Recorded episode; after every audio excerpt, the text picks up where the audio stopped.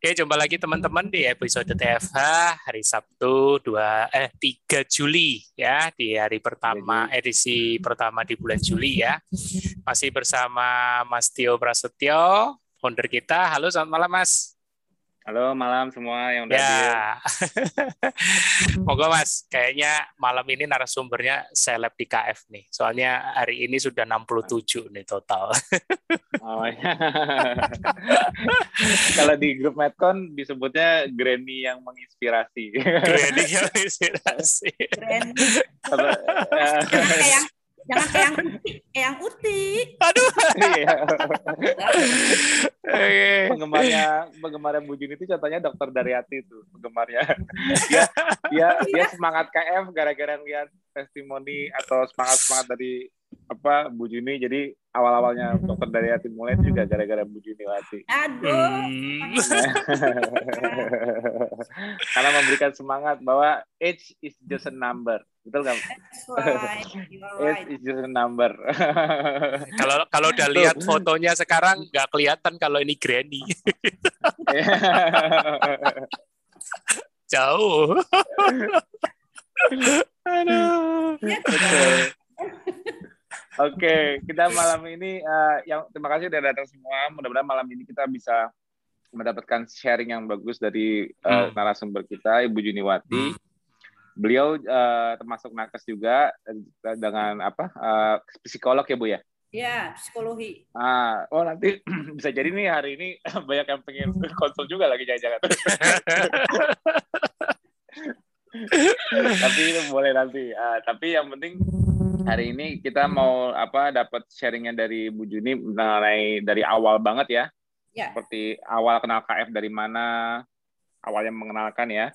Terus yeah. uh, uh, alasannya mungkin dulu ada apa alasannya mau mau ikut KF, terus kendala-kendala di awal, yeah. perbaikan, Baik. terus respon keluarga di awal atau lingkungan atau sejawat dan seterusnya. Nanti Ibu start dari awal, jadi kita benar-benar tahu the whole story-nya dari awalnya Bu Juni start KF sampai sekarang dan mudah-mudahan nanti dengan berbagai inspirasi ini dan termasuk udah lama juga loh Bu Juni ya udah berapa tahun Bu? Uh, saya mulainya 17 Juli uh, 2017. 17 ya udah udah empat tahun ya? Empat tahun. Hmm, empat tahun. Up and down terus terang up and down. Nah yang yang yang harus yang justru benar benar up and downnya harus dijelasin juga kan kan semua orang bisa mendapatkan apa uh, bisa jatuh ke lubang yang sama. Jadi kalau udah dengar pengalaman ibu apa and gimana, siapa tahu para warrior juga bisa mencegah sebelum terjadi right. atau tahu cara mengkoreksi kesalahan sebelum terjadi. Itu fungsinya TFA itu kayak gitu. Jadi kita dengerin pengalaman-pengalaman yang sudah lama menjalani dan hmm. dan kita udah tahu apa yang bakal terjadi di depan, kendalanya apa dari lingkungan dan sebagainya atau dalam menjalankannya kesalahannya di mana. Mudah-mudahan itu bisa apa? uh, membantu orang lain untuk tidak jatuh ke lubang yang sama gitu loh. Oke, silakan Bu. Baik. Bismillahirrahmanirrahim. Assalamualaikum warahmatullahi wabarakatuh. Waalaikumsalam. Mas Tio, Mas Bobi, teman-teman semua, para warrior maupun uh, teman lainnya. Jadi nama saya Ibu Yuniwati Maskun Sofwan, lahir 1 Juni 1947. Oh, Oh, Jadi usia saya itu wow. 74 tahun, satu bulan, tiga hari. Nah. Us. Oh, semangatnya. Mantap. Masih akal lima, Bunda. Iya, ini jauh lebih muda dari saya. Nah, hmm. jadi saya berkenalan dengan KF ketofastosis itu tanggal saya ingat banget tanggal 17 Juli uh, 2017 Nah, waktu itu yang ngajak itu keponakan dari suami Mbak Yuyun. Mudah-mudahan dia juga ikut nih sekarang. Hmm. Mbak Yuyun, oh, iya. Eh, Fajar Juniarti namanya. Dia WA saya, Bude katanya. E, mau ikut nggak di grup? Jadi di grup ini Mas Tio, di grup KF. Apaan tuh KF? Ya. Terus dia cerita kepada saya, kan Bude punya penyakit, dia tahu saya sakit. Dan saya hmm. obesitas berat Ya, jadi saya sakitnya itu diabetes DM2. Ya. Dan kemudian ada apa itu jantung uh, aritmia, kemudian hmm. juga darah tinggi, kemudian insomnia. Maaf, saya tuh insomnia berat. Kadang-kadang nggak tidur sama hmm. sekali. Matanya merem tapi otaknya ke mana-mana. Ya, hmm. jadi kalau eh, pagi-pagi tuh kerja waktu itu saya masih bekerja, sakit tuh seluruh badan dan anget badan itu susah banget ya. Terutama mau tidur itu yang susah. Pernah maaf minum obat tidur, ya esilgan tuh satu nggak mempan dua, waduh saya pikirnya nggak boleh seperti itu. Ya, kemudian juga saya punya asma dari kecil bronkitis. Ya kalau udah kumat, ya tapi udah udah dewasa jarang kumat. Dulu waktu kecil itu bunyi bronkitis dan psikis juga asmanya itu. Psikis juga ya. Nah, kemudian penyakit lainnya yaitu saya pernah apa operasi batu ginjal di tahun 1977 ya terus sudah diambil batunya dan ginjal yang sebelah kanan fungsinya berkurang tapi saya kok tapi Mas Tio saya kok biasa-biasa aja ya. ya. Terus saya makan makan makan banyak banget makan. Keturunan sih gendut sih, ada keturunan. Hmm. Waktu kecilnya sih kurus terus menjadi gemuk oh, dari papa saya almarhum. Terus suami saya sakit di tahun 2004 almarhum Pak Maskun sakit berat stroke ya stroke terakhir itu membuat dia bedridden selama lima tahun. Saat beliau sakit, saya waktu itu dia dioperasi apa uh, subdural hematom hmm. di rumah sakit. Uh, di situ terus menunggui beliau. Nah itu saya tahu kok saya sebagai psikolog kompensasinya makan di rumah sakit. Hmm. Makan, makan ya di SPP itu ya makanannya itu dari restorannya lumayan ya. Eh bukan SPP, RS Pondok Indah ya hmm. mula-mula masya Allah terus udah pulang ke rumah beliau tuh kan juga ada DM DM 2 ya hmm. nah, terus saya iseng-iseng nih Mas Tio nih periksa apa itu alat gula darah itu dari iseng-iseng hmm. loh 400 lebih ya berapa dan memang 400. 400 lebih belakangan oh. itu turun berat badan tadinya kan hmm. kan gemuk yeah. dari yang yeah. bagus banget makin tua makin tua tuh gemuk ternyata pasti DM saya tuh udah lama deh tapi waktu hmm. tinggi banget menjadi kurus dan maaf pipis melulu hmm. ini melulu. Masya Allah. Kalau di kantor itu bolak balik ya bolak balik ke kamar mandi. Ya. Nah kemudian saya pergi ke dokter internis. Dia marah-marah ibu kok membiarkan aja diri ibu seperti itu? Ibu udah 400 lebih. Lalu dikasih obat ya. Apa itu? Metformin. Ya. kemudian suntik insulin kalau malam lantus kalau hmm. siang itu novorapid hmm. Ya. kemudian ada obat ke saya juga ke kardiolog uh, kalau itu sih memang udah terus ya kardiolog itu saya dikasih obat sama darah tinggi juga dikasih obat nah saya kan happy tuh dengan obat waktu itu gula darah saya turun jadi 200 ya happy aja itu 200 itu tapi badan saya ya yang tadinya kurus udah suntik-suntik itu jadi gemuk lagi. Lucu itu kok bisa begitu? Hmm. saya juga nggak ngerti. Nggak ada olahraga nggak apa. Tapi tetap saya insomnia. Hmm. saya merasa kalau bangun tidur nggak enak badannya itu. Pokoknya nggak enak deh. Walaupun saya tidurnya nggak lama ya. Saya itu nggak enak badannya. Kemudian setelah saya berkenalan dengan ketofastosis, diperkenalkan tanggal 17 itu, saya ikut ada mentornya Mas Dodi waktu itu mentornya. Hmm. Dan eh, saya belum kenal sama Mas Tio itu. ya.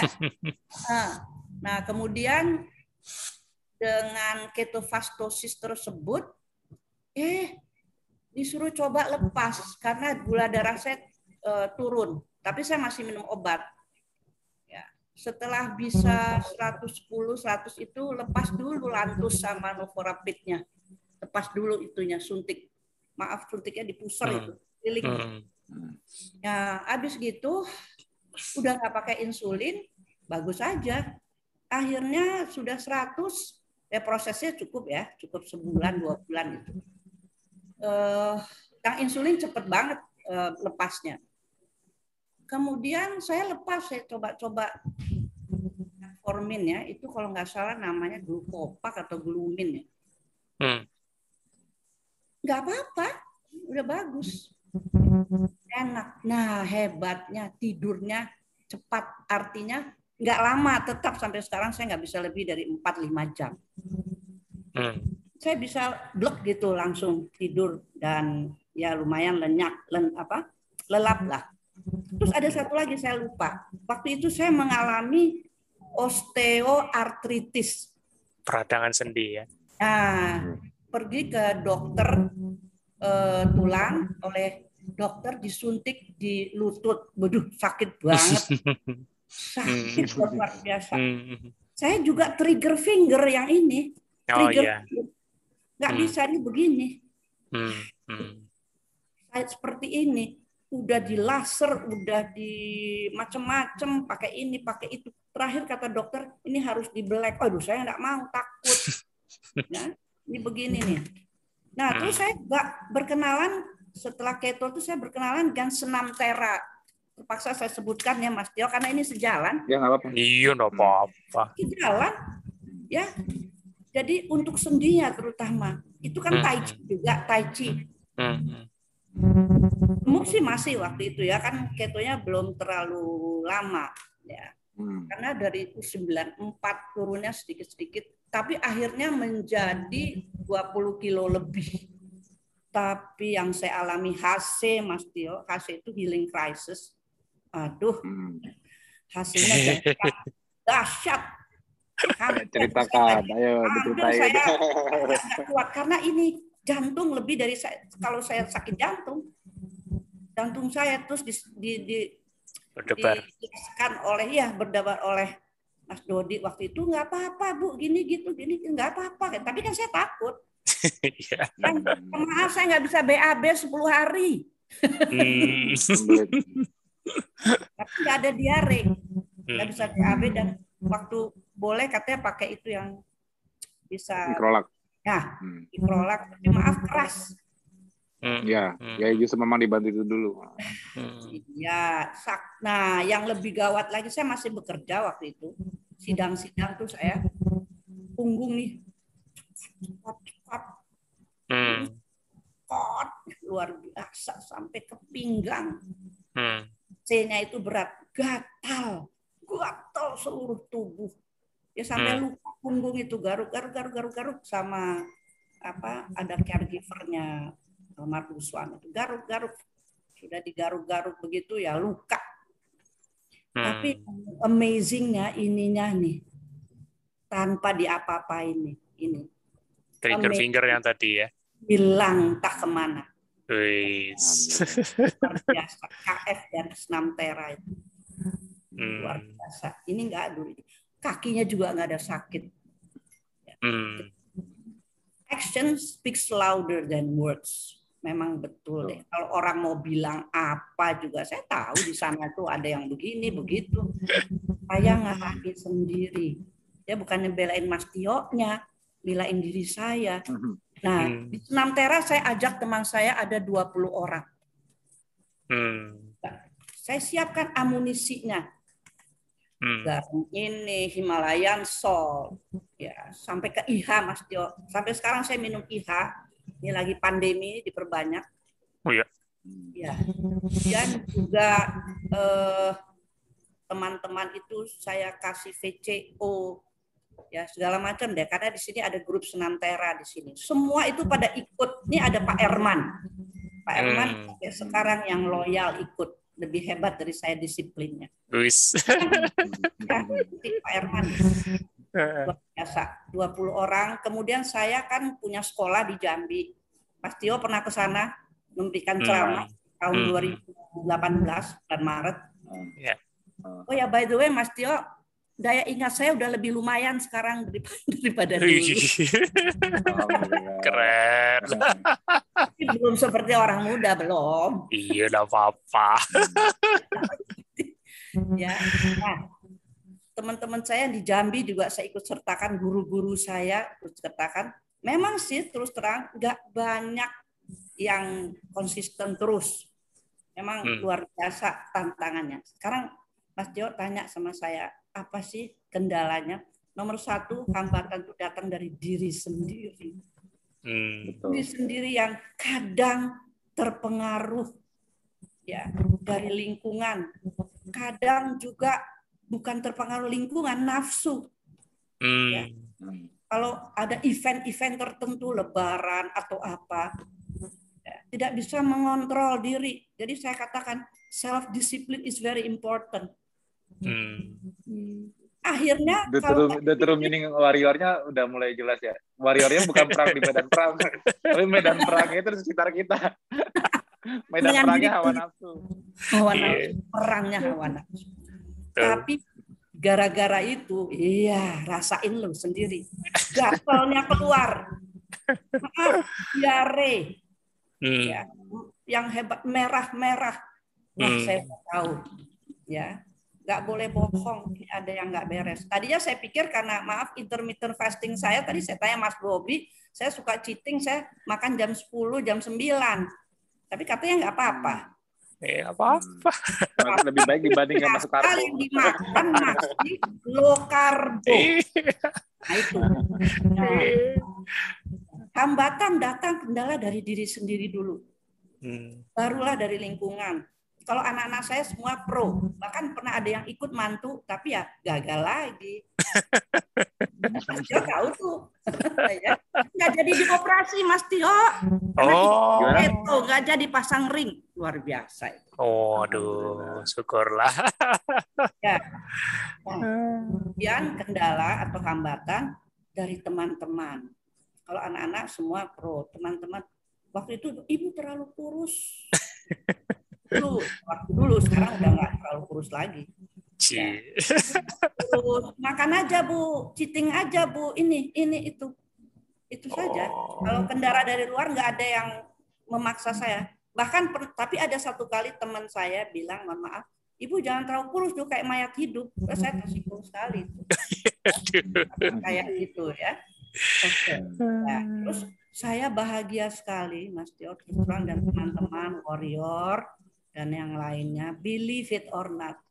Ya jadi kayak iklan. Reply reply reply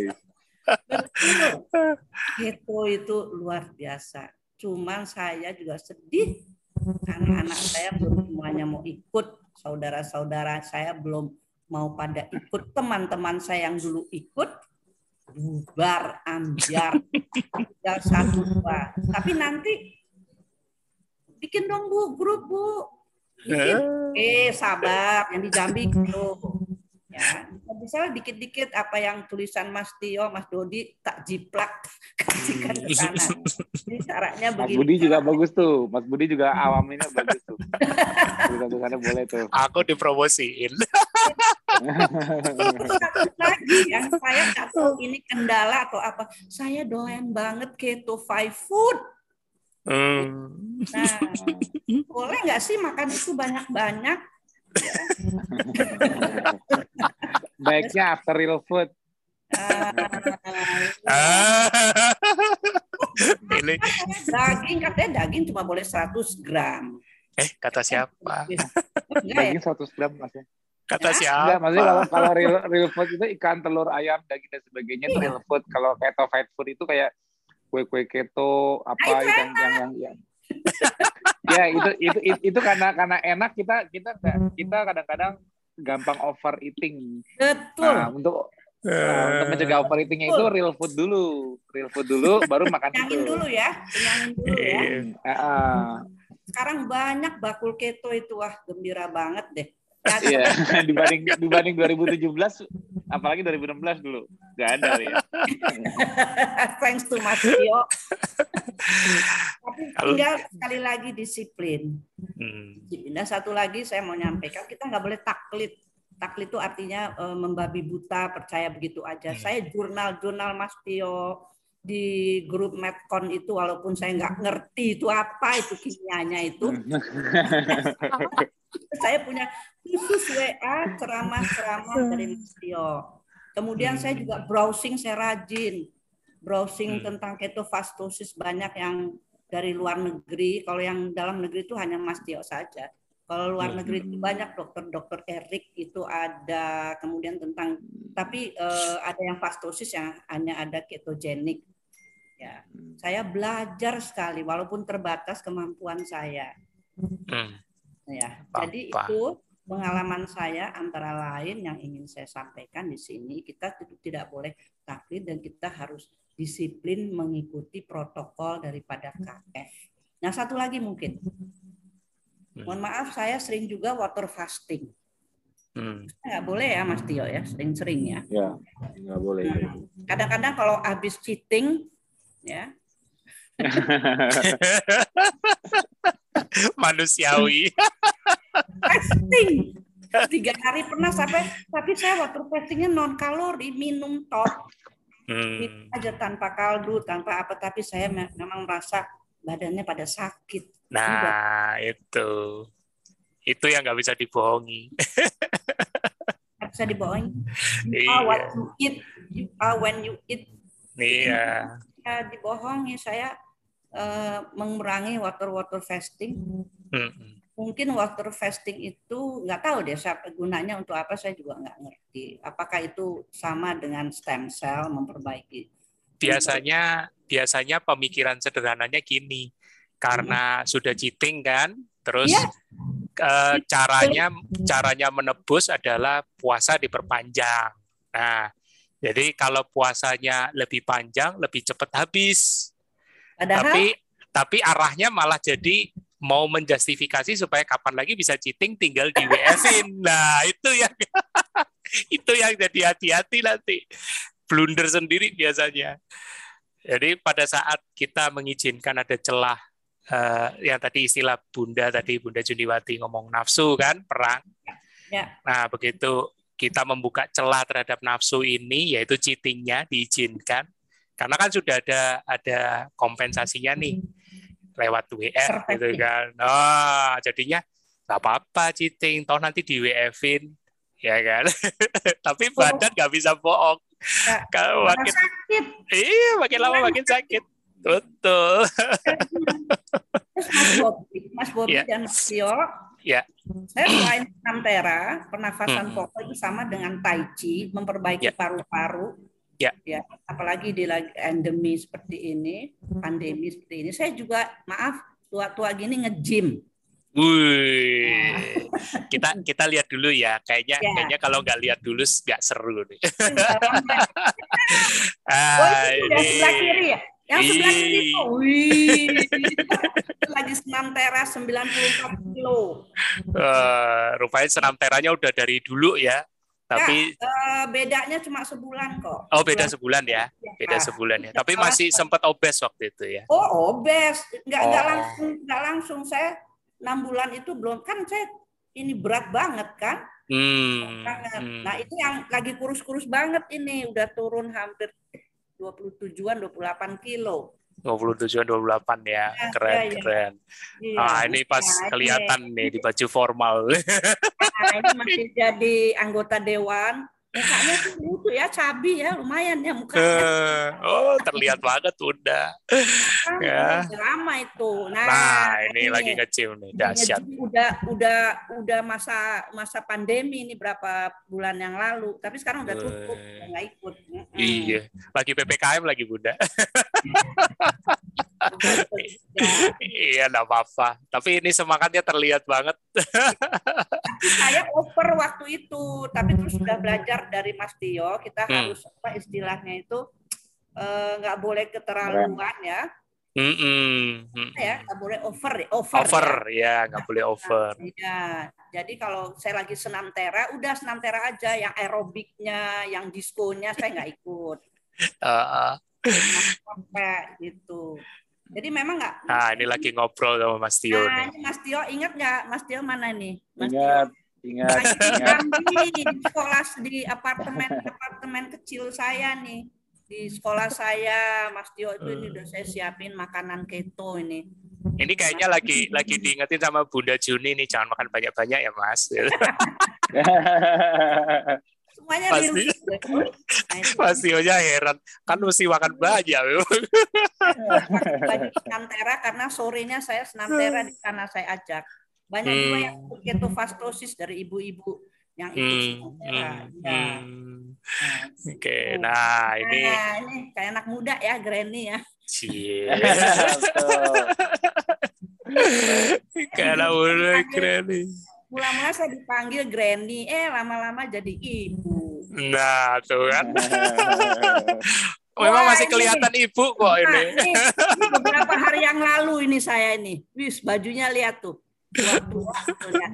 Ini ya. Semangat supaya imunnya naik. Jadi di Nggak- rumah saya di depan kita hanya berapa orang aja ini. Nggak kelihatan kalau 74 kok ini. Jauh. Oh, oh. Aduh, keren.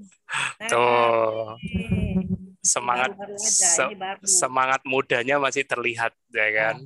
Iya. Keren, keren. Nah, ini bagian relaksasinya Ini saya. beliau nih. hobi saya, saya perlu sampaikan sama teman-teman, kita nggak Hmm. boleh stres. Hmm. Stres itu bisa dihilangkan dengan berbagai macam cara. Yang jelas stres itu dengan your religion, dengan agama, ya. Hmm. Apa agamamu itu dekatkan diri kepada Allah itu betul. Kemudian saya juga senang bermain organ atau keyboard. Saya bisa Hmm. main macam-macam lagu, saya belajar, bahkan saya les. Ya saya Hmm. pensiun banyak waktu. Hmm. Itu stres saya bisa hilang. Hmm. Yang saya lagi coba sekarang itu kata Mas Tio kalau susah atau ya kadang-kala juga masih ada sekali-sekali itu tidurnya susah atau hanya empat jam saya coba hitung mundur susah Hmm. Mas Tio Susah. susah susah Saya fokus, susah fokus maksudnya. katanya kalau salah harus balik lagi ke 100 Hmm. Iya, terus balik-balik gitu. Betul. akhirnya saya bangun aja malam-malam main organ Nah, Susah fokus. yang yang lainnya gimana malah bangun? lainnya bangunin aja kan saya sendiri di rumah oh, ada caregiver caregiver almarhum suami dulu Hmm. tetap eh, menjaga saya gitu ya, walaupun sekarang sudah lebih sehat tidak ada lagi obat tapi tetap eh, apa ya saya harus ada caregivernya. harus ada yang me- karena anak-anak nggak sama saya lagi harus ada yang menemani saya gitu Keren, keren. Itulah antara lain jadi sekali lagi saya nggak mau saya tadi saya berpikir saya mau jujur nggak yang soal cheating cheating tadi saya harus jujur Harus jujur. harus jujur. Eh, manusiawi kok Bunda. ya harusnya seusia saya udah lebih tahan ya Tapi Hmm. karena di family saya itu ada habit dari dulu orang tua. Nah ini juga perlu habits dari orang tua itu makan. Ya, Hmm. kita biasakan ada acara ulang tahun makan ini oh, apa aja. Ibu saya orang Minang, makanannya waduh luar biasa. Hmm. Ayah saya beratnya 250 kg. Waduh. Hmm. Ya, meninggal karena sakit jantung. Dan Hmm, juga apa ya satu lagi itu bulan bare itu ada penyakit di tulang belakang ini. Ya, Oh. Hmm. bare. Belum Jadi, balik tidur. Gulbare syndrome. Hmm, GPS. ya, semua itu keturunan kami itu gemuk-gemuk. Hmm. Walaupun waktu kecil sekali sih kurus terus menjadi gemuk gitu loh. Apalagi habis menopause tuh. Nah, lucunya waktu sakit gulanya lagi tinggi-tingginya kurus. Hmm. pakai insulin ya aneh nih. Udah pakai insulin, pakai obat, jadi gemuk. Tapi badan nggak enak. Oh ya saya pernah nih untuk lucu-lucu aja. Waktu di Jambi durennya kan enak tuh dulu ya. Saya makan duren banyak, terus saya suntik lantusnya sampai 20 25 luar biasa. Dan terlalu percaya sama obat, please. Don't Hmm. believe in medicine. Self healing to self. It comes back to yourself kata Mas Tio. Iya. Ya, ceritanya semua ke sel termasuk lagi COVID sekarang ini. Yang diserang adalah sel kita. Hmm. Sel kita diserang, imunitas kita diserang. Hmm. Jadi memang harus kita perbaiki sel kita. It all comes back to your cell. Hmm. Dan dengan keto ini betul-betul diperbaiki sel kita. Tapi hanya satu Mas Tio, mohon maaf mata saya belum bisa sembuh dengan keto. Hmm. Kornea Udah menaun ya. Ya, Mas Tio pernah saya ceritain distrofi di Hmm. kornea turunan genetik. Hmm. Hmm. Hmm. Kirain selnya bisa diperbaiki, tapi belum bisa. Harus transplantasi. Iya, kalau Hmm. genetik harus itu. Saya nggak mau transplantasi katanya bisa berhasil, bisa enggak. Anak saya dua-duanya kena, kemudian cucu satu kena, kakak saya kena, adik saya kena. Kalau ini betul-betul genetik seperti DM1 gitu ya. Hmm. Tapi yang yang penting bagi saya jangan sampai hilang sama sekali deh. Hmm. Penglihatan saya. Ini saya udah agak sulit untuk membaca atau melihat. Kalau ini besar-besar saya bisa lihat. Waktu kecil-kecil enggak enggak enggak jelas Hmm. Iya, nggak apa-apa. Iya. Bunda, pertanyaan dari mungkin beberapa yang sempat aku tangkep. Sampai detik ini Bunda sudah empat tahun eh, Betul. berjalan. Hampir, Masih ada masih ada obat yang dikonsumsi enggak? Sekarang ini tidak ada lagi obat yang dikonsumsi. Akan Wih. tetapi, tetapi begini boleh ya saya Hmm, cerita ya. boleh, boleh. Kalau saya lagi stres, itu tekanan darah tuh naik. Hmm. 100, waktu saya mau divaksin aja 200 lebih tuh. Terus yang bawahnya itu yang tinggi. Itu yang saya, Hmm, saya, Hmm. saya tetap ada itu. Ya, tapi yang ya. lainnya, nah, yang lainnya enggak. Yang Hmm, Pantus udah nggak ada, Novorapid apalagi, terus Glumin, Glukopak itu udah nggak ada. Hmm. Cuman yang saya simpan itu, eh, saya suka minta sama dokter takut expired ya. hmm, hmm, Yang jantung itu aja sama tekanan darah tinggi. hmm. Tapi udah udah jarang sekali diminum. Kemarin aja mau vaksin karena saya disuruh ulang kembali ya hmm, hmm. apa sih namanya CPG kalau nggak salah tekanan darah tinggi. Eh bukan, eh, bukan CPG. Yang untuk menurunkan tekanan darah itu ada yang Couple dangle itu. Iya, ada yang Oh, cuma 5 miligram. Kalau sekarang nggak ada, nggak ada, nggak ada minum lagi sekali itu aja. hmm. Saya Berarti sih berarti sifatnya situasional ya. ya tapi jarang kok. Jarang Jarang. banget ya. Jarang Kalau banget. pas muncul gejala aja dirasa nggak enak baru ya. Iya, itu aja. Dan ada ketakutan-ketakutan. Hmm. Disuntik apa vaksin kan katanya begini begitu. Padahal saya saya kan bilang kita harus cerdas. Hmm. cerdas eh, browsing katanya nggak apa-apa ini itu tapi Hmm. waktu diperiksa ya kok tinggi gitu loh Hmm. ini balik lagi ya. amplodipin Oh, obatnya amlodipin. Hmm. Iya nggak apa-apa. Keren. Empat tahun apa-apa. bisa langsung eh bisa sudah lepas obat. Eh, yang yang dulunya wah sampai Eh, obat tidur. Saya minum suplemen sekarang Mas Tio Ya nggak apa-apa, suplemen boleh. Apa tuh D3 D3 zinc sama Hmm. vitamin C Ya nggak apa-apa. kan udah Boleh. dilarang. Nggak batalin ketosis. kan nggak hilang ya ketosisnya Sih.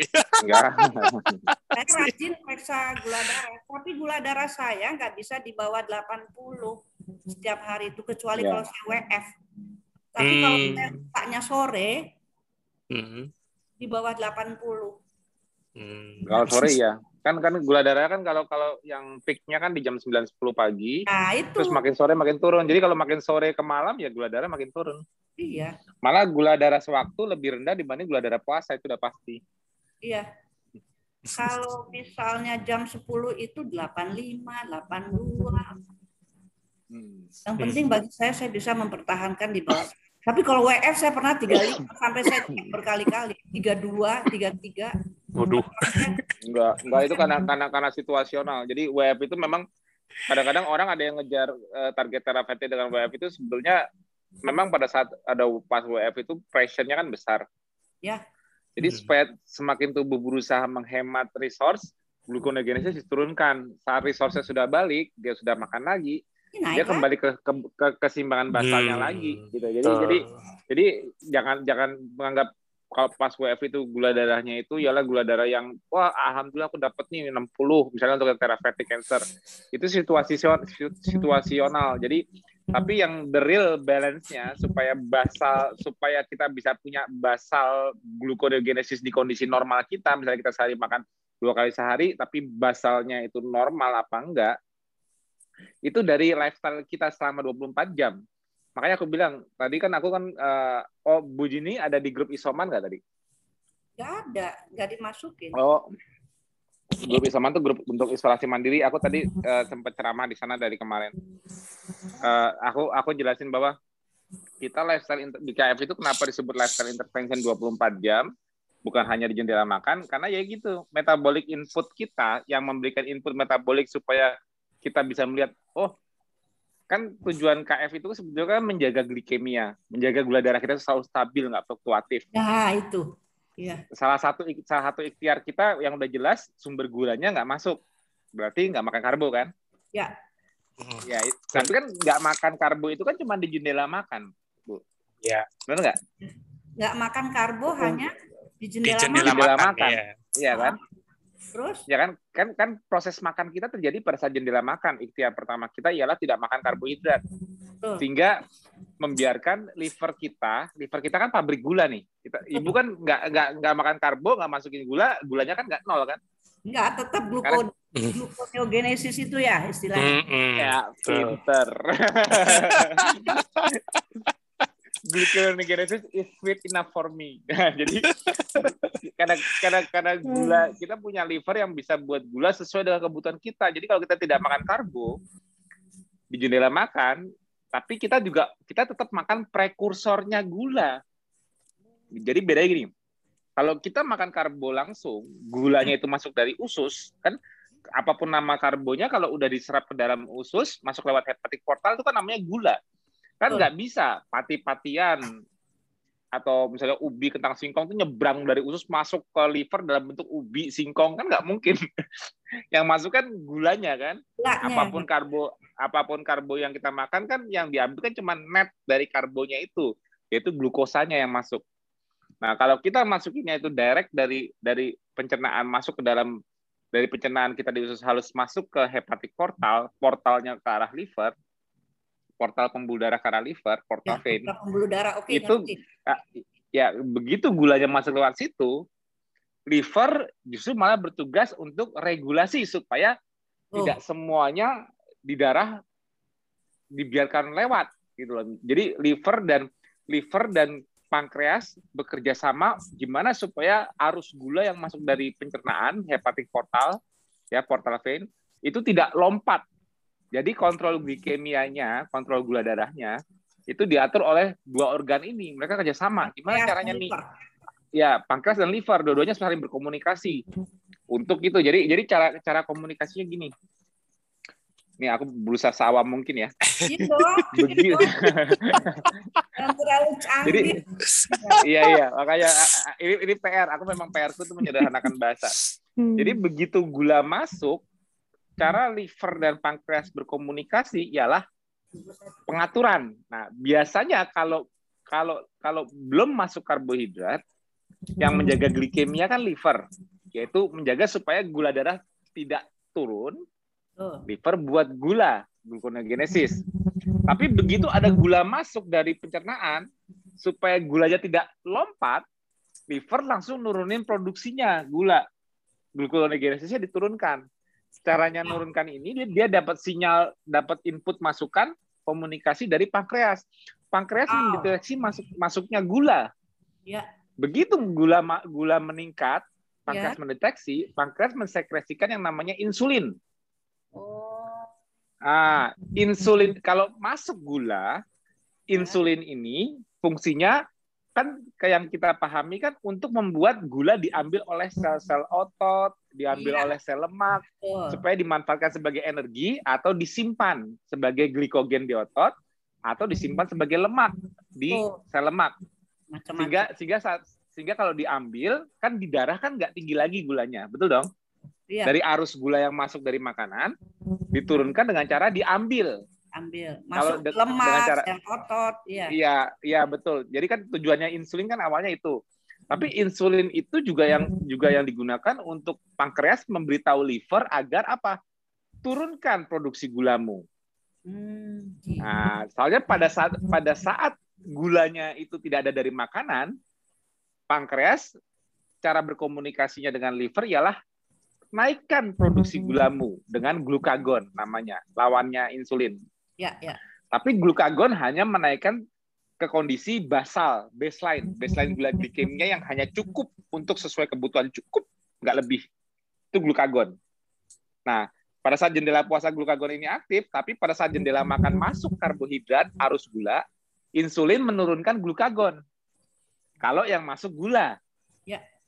Kalau yang masuk gula. Nah, gula ini, gula yang diserap dari karbohidrat ini, tujuannya apa? Supaya gula yang masuk dari makanan ini supaya cepat di, di, diambil diaptek oleh otot dan sel lemak supaya kembali turun glikemianya dan tidak ditambah-tambahin oleh gula buatan liver. Yeah. Makanya itu sebabnya kalau makan karbohidrat justru liver menurunkan produksi gula. Nah, tapi sebaliknya kalau kita nggak makan nggak makan karbohidrat, artinya pada saat jendela puasa kan sama tuh glukagon memberikan menjadi sinyal dari pankreas ke liver untuk membuat gula supaya glikemia dijaga nggak drop, betul ya, kan? Betul. Nah, tapi saat kita masuk makanan karena tidak karena yang masuk dari usus halus ke hepatik portalnya itu ke jalur pembuluh darah liver itu tidak bukan gula tapi hanya kalau yang kita makan hewani berarti kan kita masukin protein dan lemak. Ya. Berarti kan amino acid dan fatty acid. Nah, yeah. sedangkan fatty acid fatty acid sendiri atau lemak itu kan rata-rata karena karena lemak di makanan kita lemak panjang rantai panjang itu kan nggak masuknya masuknya kan nggak bisa lewat jalur pembuluh darah ke liver. Kalau lemak justru masuknya lewat limfatik portal, jalur limfatik dulu.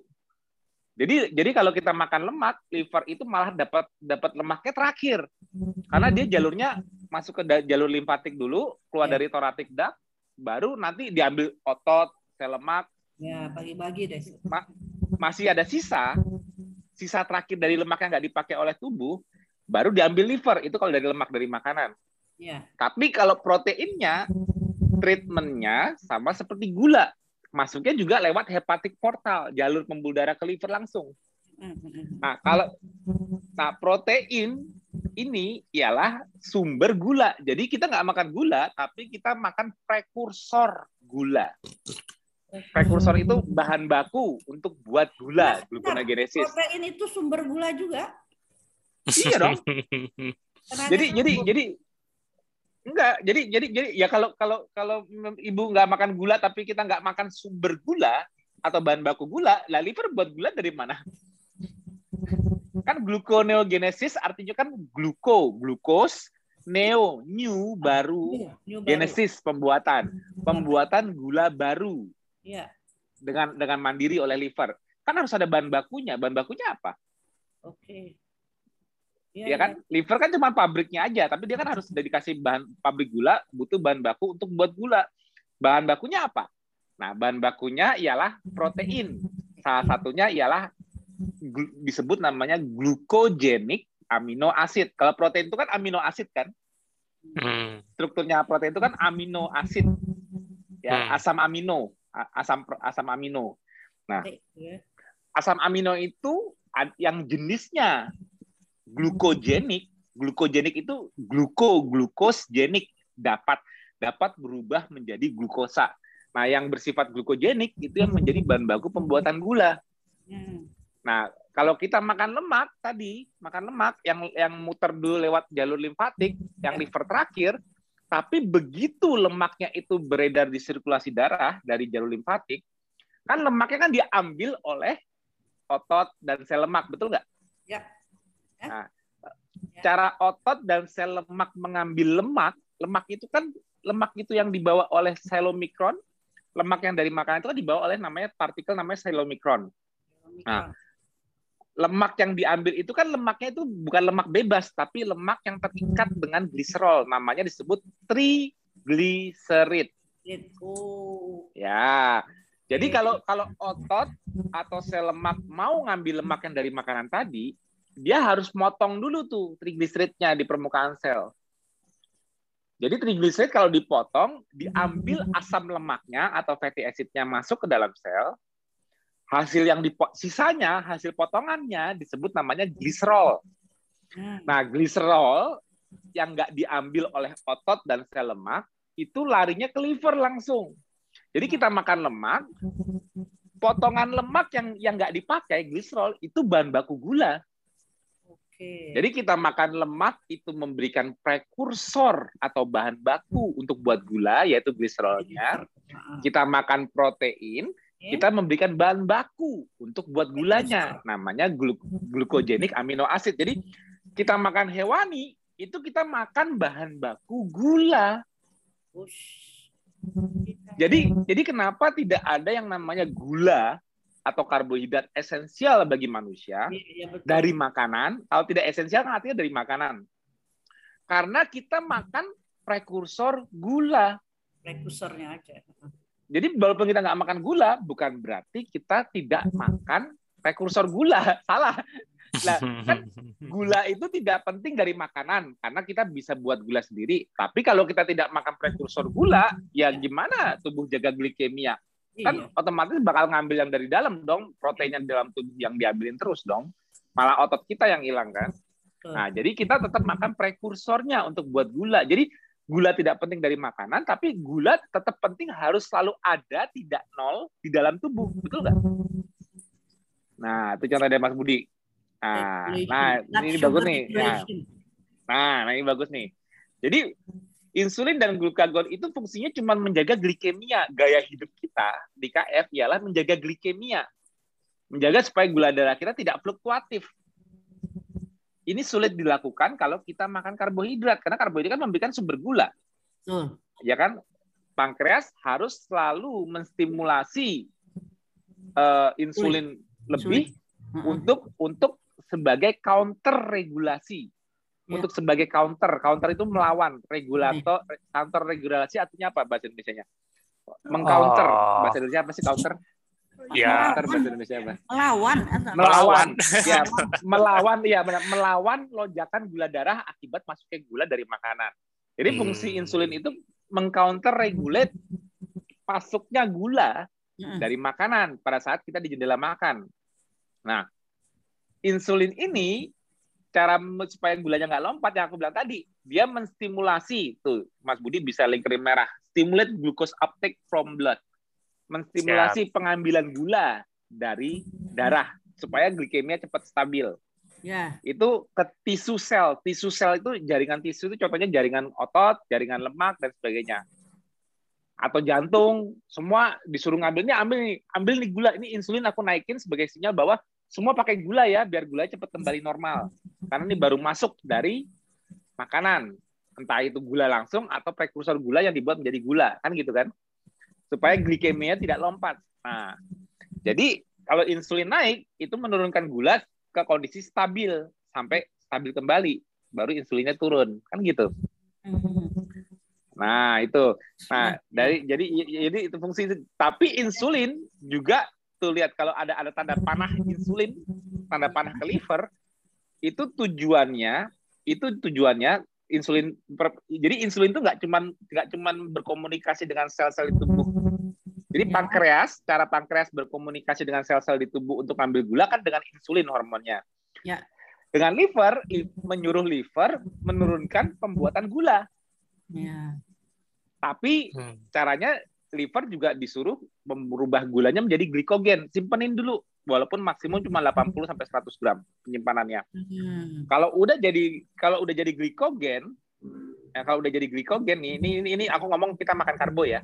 ya. Kalau udah jadi glikogen dan gula di darah yang di, gula di darah yang distimulasi oleh insulin tidak semuanya diambil oleh sel-sel tubuh, masih tidak cukup, masih tidak mampu ngambil semuanya karena otot ya udah segini cukup saya saya nggak bisa nggak bisa pakai gula banyak banyak wong saya nggak banyak dipakai buat gerak kok hmm. saya juga glikogennya masih penuh kok nah sel lemak juga kemampuannya juga menurun sel lemak juga nggak bisa ngambil gula banyak juga akhirnya liver yang bertugas untuk menyingkirkan gula jadi insulin itu memerintahkan liver untuk tadinya untuk buat glikogen di liver, akhirnya menyuruh liver merubah gula menjadi lemak. Iya. Jadi liver disuruh buat triglycerid dari gula. Baru nanti Iya. triglycerid yang dirubah dari gula itu dikirim kembali ke sel lemak untuk sebagai gudang kan. Sel lemak itu kan Hmm. gudang. Untuk simpen, simpen, simpen. Kita menggemuk jadinya. Nah, itu jadi gendut. Nah, ya, itu dia. Nah, Bukan kalau kalau, betul, kalau yang kita makan itu prekursor ya, gula prekursor, atau bahan bahannya. bahan baku gula, responnya tidak gulanya. seperti itu. Betul. Bukan. Nah, Ya udah ngerti. kalau yang kita mak kalau kita makan contohnya yang kita gini nih, yang langsung direct itu kan protein. Kalau lemak itu kan walaupun kita dapat dapat gliserolnya dari lemak, tapi kan lemak kan masuknya kan nggak langsung ke hepatik portal. Jadi begitu kita makan lemak nih, di- dicerna di usus halus, ya, habis dicerna di usus halus kan diserapnya itu kan nggak langsung nyebrang ke pembuluh darah ke liver, tapi ke pembuluh limfatik dulu. Jadi kan aku bilang tadi lemak itu terakhir digunakan liver. Hmm. Walau kalau kita dapatnya dari makanan lemaknya. Nah, berarti gliserolnya itu yang dilepas dari lemak pada saat dia pakai ya nunggu sampai nanti di, diambil otot dulu, otot Iya, ambil iya, lemak iya, di, iya, di, iya. jala- di, di darah, baru diambil lemaknya, fatty acidnya, gliserolnya dikirim ke liver. Itu kan telat. Nah, Jadi nggak numpuk yang itu. lang ya Nah. jadi jadi yang langsung mempengaruhi yang yang langsung nyebrang dari makanan masuk ke jalurnya liver Nah, kalau kita nggak makan karbohidrat berarti protein kan Betul. nah Hmm. amino asid asam amino nah asam amino ini responnya beda dengan masuknya glukosa jadi asam amino yang bahan baku gula Hmm. itu respon pankreas terhadap res- respon pankreasnya itu untuk komunikasi dengan liver beda dengan masuknya gula. Kalau tadi masuknya gula langsung dari karbohidrat ke ke liver itu pembuluh darah liver itu membuat insulin naik tapi glukagon diturunin. Kan sebelahnya ada glukagon tuh. Ya. Kalau glukagon kan antagonisnya, fungsi glukagon ialah menaikkan gula darah. Hmm. Jadi saat jendela kita nggak makan, puasa supaya gula darah nggak turun terus, glukagon naik untuk membuat liver memproduksi gula, gluconeogenesis. Tapi kalau masuk gula dari makanan, insulin yang terpicu menurunkan produksi gula, artinya glukagon turun. Ya. Jadi kalau kalau kalau makan karbohidrat, gula naik, apa insulin naik, glukagon turun. Tapi kalau nggak makan karbohidrat, makan bahan bakunya untuk buat gula, apa yang terjadi? Hmm. pankreas tetap menaikkan insulin karena amino asid amino asid yang prekursor itu bisa diutilisasi oleh sel beta di pankreas. Jadi di beta selnya sebetulnya ada dua jenis sel, beta dan alfa. Beta yang membuat insulin, alfa buat glukagon. Beta yang buat insulin biasanya responnya dia pakai gula untuk buat insulin. Tapi amino asid yang yang glukogenik bisa menstimulasi insulin juga. Ya. Tapi respon yang utama terhadap amino asid ialah alfa sel yang produksi glukagon. Jadi kalau jadi kalau kita kita makan amino asid, respon utamanya itu alfa sel yang buat glukagon. Jadi kalau kita makan Protein. amino asid, protein ya, itu justru malah glukagon harus aktif. Kenapa? Karena harus siap mengkatabolisme. Karena kalau karena mesin gluconeogenesis harus dijalankan supaya protein terkontrol distribusinya di darah. Jadi jadi kalau orang Mas eh, kita bisa nggak di darah kita kebanyakan protein? Hmm. Gimana caranya? Kan kan ada yang ngomong kalau kita kebanyakan makan protein kan Iya. memberatkan ginjal, memberatkan ginjal. Oh iya iya. Berarti anggap aja pikir gitu, anggap anggap ah. ya anggap aja kan amino asid di darah itu meningkat misalnya. Iya. Nah caranya meningkat gimana? Apa nggak dikontrol sama liver? Nggak bisa. Liver itu mensensing, mensensing, sensing itu apa bahasa Indonesia-nya? Sense. Merasakan, Rasakan. sense, mengatur. Ya, sense, mengatur, rasakan. Ini atau saya tuh bahasa teknik, kebanyakan bahasa Inggris jadi susah. Harus bahasa Indonesia. Rasakan. Uh, harus pelan-pelan. Uh. mendeteksi. Ya, ya liver harus mendeteksi kadar protein di darah juga. Jadi dia tidak hanya mendeteksi kadar gula, tapi juga mendeteksi meregulasi amino asid, kadar amino asid di darah. Ya. Jadi dia tidak akan tidak akan membiarkan protein dari makanan juga berlebihan di darah. Oh. Makanya kalau udah dirasa cukup amino asidnya, dia bakal merubah ekses protein menjadi glukosa. Mhm, mhm. Nah, gitu dia buangin nitrogennya, masukin ke jalur urea, dia Hmm. ambil rantai ketoasidnya untuk buat gula. Nanti kalau udah jadi gula, baru gulanya yang bisa diuptake kembali. Nah, jadi jadi kenapa kalau kita makan bahan baku gula harus dua respon yang dihasilkan? Gak cuman insulin naik, glukagon turun seperti kita makan karbohidrat. Justru ini dua-duanya harus naik. Kenapa? Karena karena kita tidak makan gula langsung. Jadi tujuannya gini. Untuk menjaga protein turnover, protein yang berlebih dirubah jadi gula.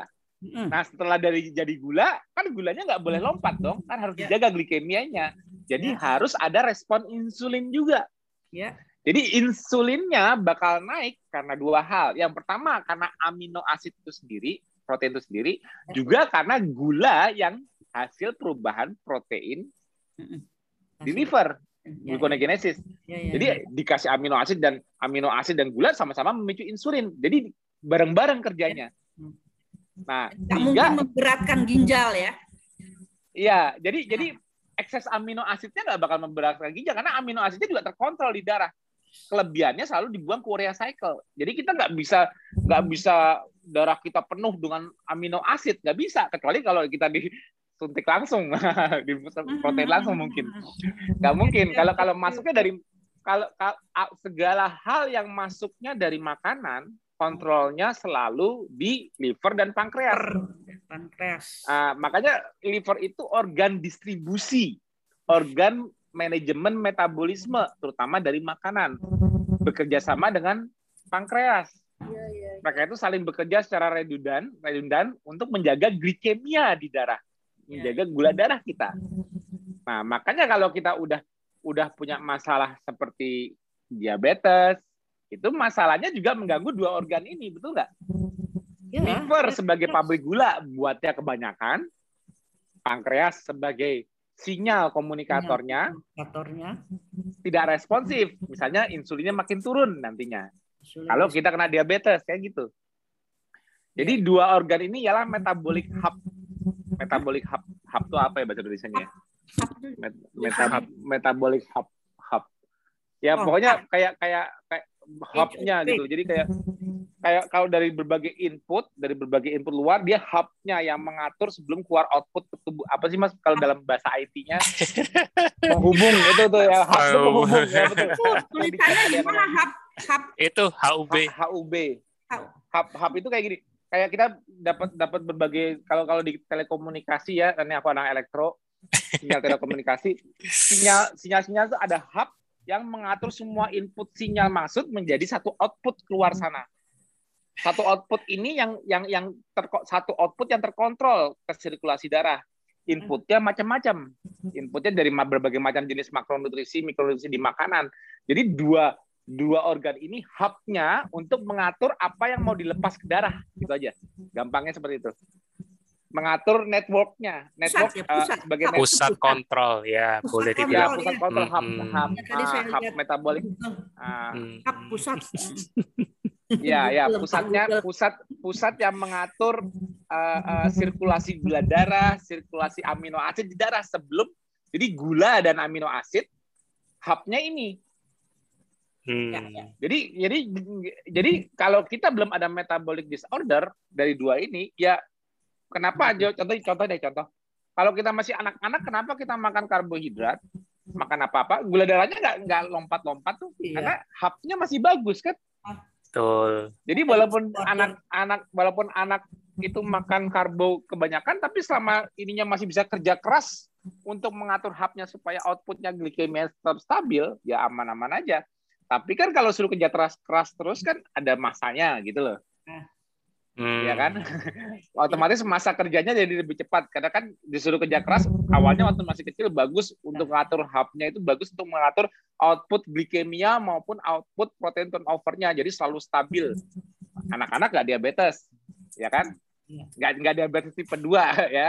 Iya. Rata-rata ya. Tipe satu. Walaupun sekarang satu. walaupun walaupun sekarang sekarang gempuran karbonya udah makin cepat hmm, masuk, akhirnya itu. banyak anak kecil yang diabetes juga kan ya memang gimana lagi? Iya. Karena disuruh hapnya kerja keras terus kan. Iya. Nah, kalau kita makan prekursor gula, bukan makan gula langsung, ya. Kita membu kita membuat lebih mudah mengontrol glikemia di saat kita makan. Jadi yang ditunjukkan di dua organ ini di saat kita makan jendela makan kontrol glikemia kontrol gula darah itu jadi lebih mudah nggak kalau nggak makan karbonya sendiri cuman makan prekursornya prekursornya saja nah, jadi kan gula kita makan tapi gula darah kita nggak fluktuatif seperti dulu kan tetap stabil ya ya malah respon insulin yang dihasilkan bisa menurunkan gula darah lebih rendah dibanding jendela puasa Yeah. Malah seperti itu. Karena dia men-trigger dua hal. Betul nggak?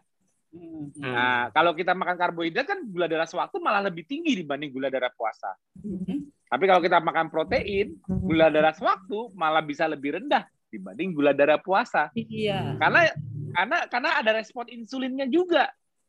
Jadi jangan jangan sangka kita makan hewani itu tidak ada respon insulin. Ya, kalau gitu siapa yang ngontrol distribusi glukosa dari perubahan protein. Nah, itu kadang-kadang sering banyak misunderstanding di sini bahwa dipikirnya kita tidak makan karbohidrat, insulin tidak bisa di-trigger, itu konyol. Hmm. Nggak, nggak mungkin, itu konyol. Secara fisiologi konyol banget pemahaman seperti itu. Harus bekerja sama tetap karena dua organ ini ialah metabolic hub. Makanya insulin itu trigger kita untuk anabolik di jendela makan. Iya, iya. Gitu loh. Nah, ya, oke. Okay. Nah, it, ini ini kok ini kontrol glikemia, kontrol glikemia, kontrol gula darah di jendela makan. Tapi di KF kita diajarin diajarin mentok belajar makanan enggak? Hmm? Di KF diajarin cuman makanannya tok enggak? kan ada lima itu kan? lima makanya mungkin mungkin aku satu-satunya founder yang tanda kutip KF dibilang diet yang nggak pernah ngomong makanan betul nggak nggak ngomong kalori nggak ada kalori nggak nggak ada. Iya maksudnya aku nggak pernah wah makan makan kan biasanya kan mungkin kalau ada founder lain atau diet lain iya. kan fokusnya makanan yang dimakan harus ini dimakan itu. Yang cerita itu terus kan selesai makanan terus. betul. Aku aku malah hampir dibilang dari awal 2016 sampai sekarang aku jarang ngomongin makanan. Yang penting makan hewani. Bebas mau dimakan apa aja ikan telur ayam daging. Ya kan? Nggak terlalu musingin makan sampai kenyang di dalam makan udah ya jalin aja gitu loh tapi yang aku sibuk menyederhanakan sibuk di setiap seminar dari 2016 itu aku ngomongin apa sih fisiologi bukan fisiologi fisiologi. Kenapa? Karena pengertian kita terhadap fisiologi itu lebih penting daripada mengerti doang apa isi yeah. makanan kita. Fisiologi. Jauh, jauh. Makanya kalau udah KF masih mentok di makanan, aduh keterlaluan gitu loh. Tapi kebanyakan kayak gitu. Ya justru nggak boleh harus harus nantinya harus nantinya makanya kan aku sama Mas Budi rajin TFH rajin bikin dulunya tulisan rajin seminar itu kenapa karena kita mau membuat orang-orang awam yang tadinya buta fisiologi Iya. Percaya nggak Mbak? Percaya, percaya nggak Bu? Percaya nggak Bu? Sebelum KF ada di Indonesia, semua orang kalau ngomong diet mentong makanan. Apa pun diet sebelum ada KF. Semua orang taunya kalau diet ini makannya ini, yang kalau diperbanyak makan ini, ini yang membuat lebih sehat. Kalau diet ini makannya ini, gini gini. Mentok di situ nggak? Diet soalnya. Ya, berbagai diet. jenis diet sebelum 2016 KF mulai dikenal. Iya, iya. Betul, betul. Begitu aku bawakan KF di Indonesia, cara membawakanku dari dulu ialah mengutamakan pemahaman fisiologi, fisiologi. ketimbang mengerti apa yang dimakan. Ya, ya, ya, ya. Nah, karena karena mengerti fisiologi lebih penting untuk kita memahami tubuh kita sendiri. Karena makanan itu cuma memberikan metabolic input, input kan makan itu memberikan metabolic input cuma di jendela makan. Nah, di KF jendela makannya dari pagi sampai malam apa cuman setengah hari? Yeah. Sedangkan KF itu kan mengatur fasting on ketosis, berarti mengatur jendela makan agar tidak berlebihan, tidak kelebaran. Betul nggak, Bu? Breakfast skip. Oh. Berarti, nah, ya, berarti kalau jendela makannya aja tidak signifikan di KF, kenapa kita sibuk mikirin apa yang nanti mau dimakan aja? Padahal lebih penting mengetahui apa yang terjadi selama 24 jam fisiologi manusia dalam hidupnya. Apalagi di masa lalu manusia masih yeah, di hutan. Ancestor. Kalau ancestral lifestyle dulu. Waktu ancestor kita masih cari makan, bukan beli iya. makan. Jendela makannya lebih sempit daripada kita nggak? Iya dong, dia kan jendela makannya cari makanan sempit. kan susah lama. Kan nyari makan dulu. Sifat kalau kita kalau kita mencari makan di alam liar kan sifatnya oportunis. Iya. Bukan bukan suatu hal yang pasti kalau kita sekarang kan pasti kita udah dapat gaji, punya duit, kita bisa beli makan, on deket kok. Makanannya ada di situ. Masalahnya punya duit apa enggak itu doang. lagi makanannya pakai Gojek. Iya. iya kan Dengan dengan dengan kita punya uang atau ada, ada, ada menggunakan menggunakan alat tukar, kita cuma hmm. butuh alat tukarnya. Tidak perlu effort untuk cari makannya. Tapi kalau kita benar-benar di alam liar, kan sifat sifat jendela makan manusia itu kan selalu oportunis. Sangat tidak mungkin bisa makan tiga kali sehari. Sangat tidak mungkin. Iya iya ya, betul. Ya kan sangat tidak mungkin. Jutaan tahun manusia nggak bisa makan tiga kali sehari. Iya kalau tiga kali sehari kan teori modern kalau ada makanan semua orang harus makan tiga kali sehari kalau nggak kalau kamu nggak sarapan kamu nanti pusing kalau kamu nggak ini ada aja teori baru karena makanannya ada makanannya ada kalau kamu nggak dimakan tuh efeknya seperti itu karena makanannya ada kalau makanannya harus dicari Hmm. Masuk nggak teori breakfast is the important meal of the day? Nggak masuk lah. Ya hmm. aku sih juga mau breakfast, tapi kan nggak ada. Gimana? Mau nyari dulu. Dan aku nggak punya kulkas sama microwave buat para nyimpen dan manasin. Mau di hutan kok. jadi jadi ya. jadi konsep konsep fisiologinya itu aku selalu angkat lebih utama. Kenapa? Karena kita harus understandingnya itu paham kenapa? Karena aku pengennya orang awam melek fisiologi jadi yang tadinya mungkin fisiologi ini ilmunya nakes, tapi karena ini penting untuk untuk menjaga kesehatan manusia, aku harapkan semua orang yang awam sekalipun belajar fisiologi. Kenapa? Untuk kepentingan diri sendiri kok. Betul. Betul nggak? Hmm. Ya kan? Hmm. Memang susah. Memang memang nggak nggak melalui jalur kedokteran, nggak harus nggak harus belajar secara kuliah, belajar anatomi dulu apa apa semua nggak sampai seperti itu. Tapi at least dikit-dikit kita mulai paham apa yang terjadi dengan tubuh kita, apa yang terjadi dengan input-input metabolik selama 24 jam, bukan saat kita pas mau makan. Hop, makan, selesai. Ya. Apa yang terjadi ya? Tadi aku makan kentang. Yang terjadi apa ya? Oh, nonton TV Mas Yo, kentang kalau diubah masuk ke darah jadi gula. Masuknya lewat hepatik portal, memicu insulin, menurunkan glukagon. Oh, gitu. Nah, oh jadi jadi jadi insulinnya menjaga glukosanya supaya tidak tinggi kan gitu. Kalau pemahaman fisiologinya. Tapi kan kita nggak tinggi, nggak nggak makan terus kan? Nah, faktor metabolik input apalagi selama 24 jam selain jendela makan yang mempengaruhi glikemia, mempengaruhi gula darah. Ayo apalagi? Yaitu metabolik apa yang selain... mempengaruhi kontrol gula darah. Kan gula darah kita kan kenapa kenapa ibu bingung? Kok saya kadang-kadang gula darah saya susah turun, kadang-kadang malah bisa naik. Nah, Stress. kalau apa contohnya? Exactly. Nah, betul. Oke okay, ya. Dokter itu nah. benar saya ngalamin. betul, betul. Nah, jadi jadi jadi gula darah saya suka periksa langsung. Nah, terus naik dia. Oke, oke. Okay, Nah, nah, tadi kan makanya aku bilang glukagon di jendela puasa sebelum kita makan dari kita bangun glukagon Fungsinya itu cuma untuk menjaga gula darah sampai ke basal glikemia. Basal itu artinya baseline. Baseline, baseline. itu apa mas bahasa Indonesia-nya? Uh, bahasa Indonesia baseline apa? Minimum. Makanya kalau semuanya dia harus ambang minimum. ambang minimum. Ambang minimum. Ambang ambang minimum atau dasar gula yang dibutuhkan. Cuman sampai dasar tok itu glukagon. Yeah. Tapi tubuh kita sering muncul demand-demand demand bahasa Indonesia apa? Kebutuhan. Demand sering muncul kebutuhan kebu ya se -se -se demand itu permintaan. Jadi selama yeah. 24 jam sering muncul permintaan-permintaan melebihi ambang glikemia, permintaan lebih. Hmm. Contohnya kita aktivitas fisik, ya kan? Semakin kita tinggi aktivitas fisik, demand-nya makin besar nggak? Hmm. Ya. Ya kan? Semakin kita berpikir lebih atau stresnya meningkat, demand-nya Ya itu betul. Betul. Stres meningkat, Ah, meningkatkan demand. Kompensasi. Ya, sama. namanya. ya, nah ibu olahraga, ibu kalau ibu olahraga, ototnya ngangkat barbel, ototnya stres? Oh, Iya. Iya kan? Nah, sama.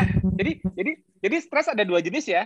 Stres karena Itu. fisiolo karena fisik, fisiologi, Dan psikis. karena ibu ya, karena ibu pakai ototnya digerakkan ya atau ibu pada saat berpuasa atau apa pun yang hubungannya dengan fisik Ya. juga demand dari pikiran fisio- psikologi. Jadi jadi sistem jadi jadi sistem stres itu bisa mendapatkan input dari dua jenis stresor ya. Stresor secara fisik, stresor stresor itu bahasa Indonesia apa, Mas? Ya, stres ya. Stres Pemicu Ya stres. pemicu stres. Ah, Sor, pemicu sor, stres. pemicu stres. Oke, ya. Secara Ah, fisik Aku atau harus pelan-pelan biar nggak terlalu itu. Ah, ah, oke. Siap. Stresornya ini, pemicu stres ini terdapat dari dua dapat dari dua hal selama 24 jam. Secara fisik dan, Dan secara psikis. psi- psikis. Psikis. Nah, Oke. tapi tapi betul. Nah, tapi cara tubuh merespon terhadap permintaan terhadap terhadap stres ini, stres itu anggapnya demand. Permin, Stres itu permintaan energi, demand, minta. Saya minta nih, karena ada stres lebih, saya minta energi. Jalurnya sama, walaupun dari otak, walaupun dari fisik yang kena stres, walaupun dua jenis stresor, tapi cara otak mengasih tahu bahwa ada permintaan lebih ke liver, sama HPA axis dan sympathetic system. Jadi secara secara sistem hormonalnya HPA axis itu mengeluarkan kortisol nanti ujungnya. Kortisol ya, hormon kortisol pasti pernah dengar. hormon stres. Dan juga ya hormon stres dan juga saraf simpatetik. Saraf simpatetik itu dia yang memodulasi sel lemak untuk melepas lemaknya, lipolisis, lemaknya dilepas dari pipi perut paha dilepas oleh saraf simpatetik. Ya. Ini, ini sistem saraf. Nah, saraf ini juga inervasi, inervasi itu bahasa Indonesianya, bercabang inter, innervate ke innervate ke liver, ke pankreas. Jadi sistem saraf juga langsung berhubungan ke organ-organ. Hmm. Ya. Jadi organ-organ di tubuh kita terkoneksi langsung dengan sistem saraf, tapi juga berkomunikasi dengan hormonal. Jadi Ya, ada ada komunik Istilahnya ada komunikasi psikosomatis. hormon. Psikosomatis. Ya, Ya. ya, ya, somatic Oh, system. Ah, kita- Ya kita punya somatic system. Nah, ini bagus saya psikolog kayak gini. Karena ada sistem ada ada sistem somatic nerve juga. Nah, nah, nah jadi jadi jadi kalau ternyata liver dan pankreas juga terkoneksi dengan sistem saraf otonomik, autonomous disebutnya autonomous system, yaitu saraf simpatetik dan juga parasimpatetik, vagalton, ya. Ini kan ini kan dua sistem saraf dari sistem stres. Ya. Autonomic system namanya, autonomic system. Nah, autonomic system ini yang berasal dari otak, kontrolnya namanya paraventricular nerve, PVN, nggak usah dihafalin nanti pusing. Ah, yang penting, yang penting intinya, intinya, yang penting intinya otak bisa mengontrol semua organ di tubuh kita. Otak bisa mengontrol otot, otak bisa mengontrol. Ya makanya ini, you have kayak itu, you don't, you don't need fang, not claw. You've got big brain to survive. Kenapa? Ya. big brain kita, big brain kita, ini mengontrol semua organ kita. Nggak ada semua yang tidak terkontrol oleh otak. Orang ini CPU-nya di sini kok. Nggak ada semua yang independen terhadap otak. Nggak ada satupun sel di tubuh yang independen dari otak. Tidak ada. Ya, Hmm. aku, aku kasih statement. Ini statement engineering fisiologi statement Engineering. sistem engineering fisiologi. Memang cara belajar ke tubuh itu kan aku belajarnya engineering. Aku harus ngerti dulu semua tubuh baru aku bisa ngomong. Kalau kalau mungkin kalau dunia kedokteran mungkin diajarin satu-satu tapi nanti dia pecah-pecah bingung cara ngatur gimana. Kalau aku enggak, dulu aku belajarnya A sampai Z-nya aku tahu. Kenapa? Karena aku lihat sistem. Harus tahu semua Hmm. kontrolnya di mana. Ini kan anggap aja tubuh kita ini sebuah sistem biologi, mesin lah, anggap kita mesin Mesin, bernyawa. Tapi Hmm. kan untuk menggerakkan ini kan kita harus ngerti dulu sistemnya semua. Untuk mengkoordinasikan, untuk menjalankan mesin ini kita kan harus tahu semuanya. Kalau aku nggak belajar A sampai Z duluan ya gimana? Cuma tahu cuma tahu jantung fungsinya gini gini yang enggak ya akhirnya jatuhnya nanti aku jadi spesialis apa dong? Iya, Sedangkan untuk mengerti mengerti secara holistik keseluruhannya kita harus ngerti sistemnya. Ngerti karena kita kita kan mau melakukan intervensinya secara holistik, lifestyle intervention, betul nggak? Ya. Jadi kita harus tahu semua kontrolnya. Makanya aku yang semua yang aku udah pelajari dulu itu aku mati-matian menyederhanakan sampai sekarang. Masih susah. Mas Tio punya PR, fisiologi make simple itu ya susah. Karena aku dulu dulu tuh aku paling takut kalau udah udah udah sampai narik ke neurologi tuh aku paling takut kenapa? Karena awalnya aku pelajari justru neurologi duluan. Karena dulu kan masalahnya alif ke otaknya. Oh iya ya. Nah kontrol kontrol otak aku kalau aku aja aku aja ngajarin metabolisme aja aku keder sendiri Gimana kalau aku udah ngajarin sampai sistem saraf? orang nyampe nggak? Itu yang masalahnya. Eh, masalahnya kan nggak semua orang kan nyampe kalau sampai udah terlalu dalam-dalam. Ya, ya. Sampai level saya juga mau tapi tapi pelan-pelan mudah-mudahan ke depannya pelan-pelan aku bisa pelan-pelan.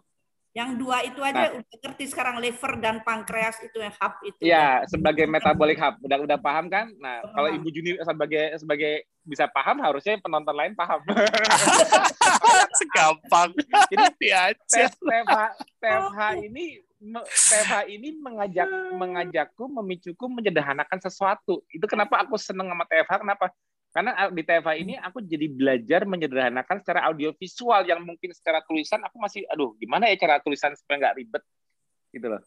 Nah, kalau audiovisual ini aku cerita nih, aku ceritakan aku cuma loss semua dari otakku, loss ke mulutku, udah itu aja. Apa yang ada di otak aku keluarin aja. Nah, dari sini aku pelan-pelan nyederhanain. Nah, jadi aku senangnya TFA itu karena gini. menyederhanakan secara cara play by ear. Aku nggak bisa, aku orangnya nggak bisa planning, nggak bisa merencanakan, aku nggak bisa pakai slide. Aku apa yang ditanya langsung aku keluarin. Hmm. Jawabannya ada di sini. Cuman gimana caranya aku menyederhanakan lewat mulut itu ya doang. Kalau TFA. Jadi ini PR ku setiap, setiap TFA. Ya, PR, PR fisiologi make simple. Iya, uh, make simple dari pemahamanku, dari jadi pemahaman yang aku udah pahami secara secara teknikal, gimana orang lain yang nggak ngerti fisiologi ngerti itu PR ku dari dulu. Nah, supaya dapat pemahamannya.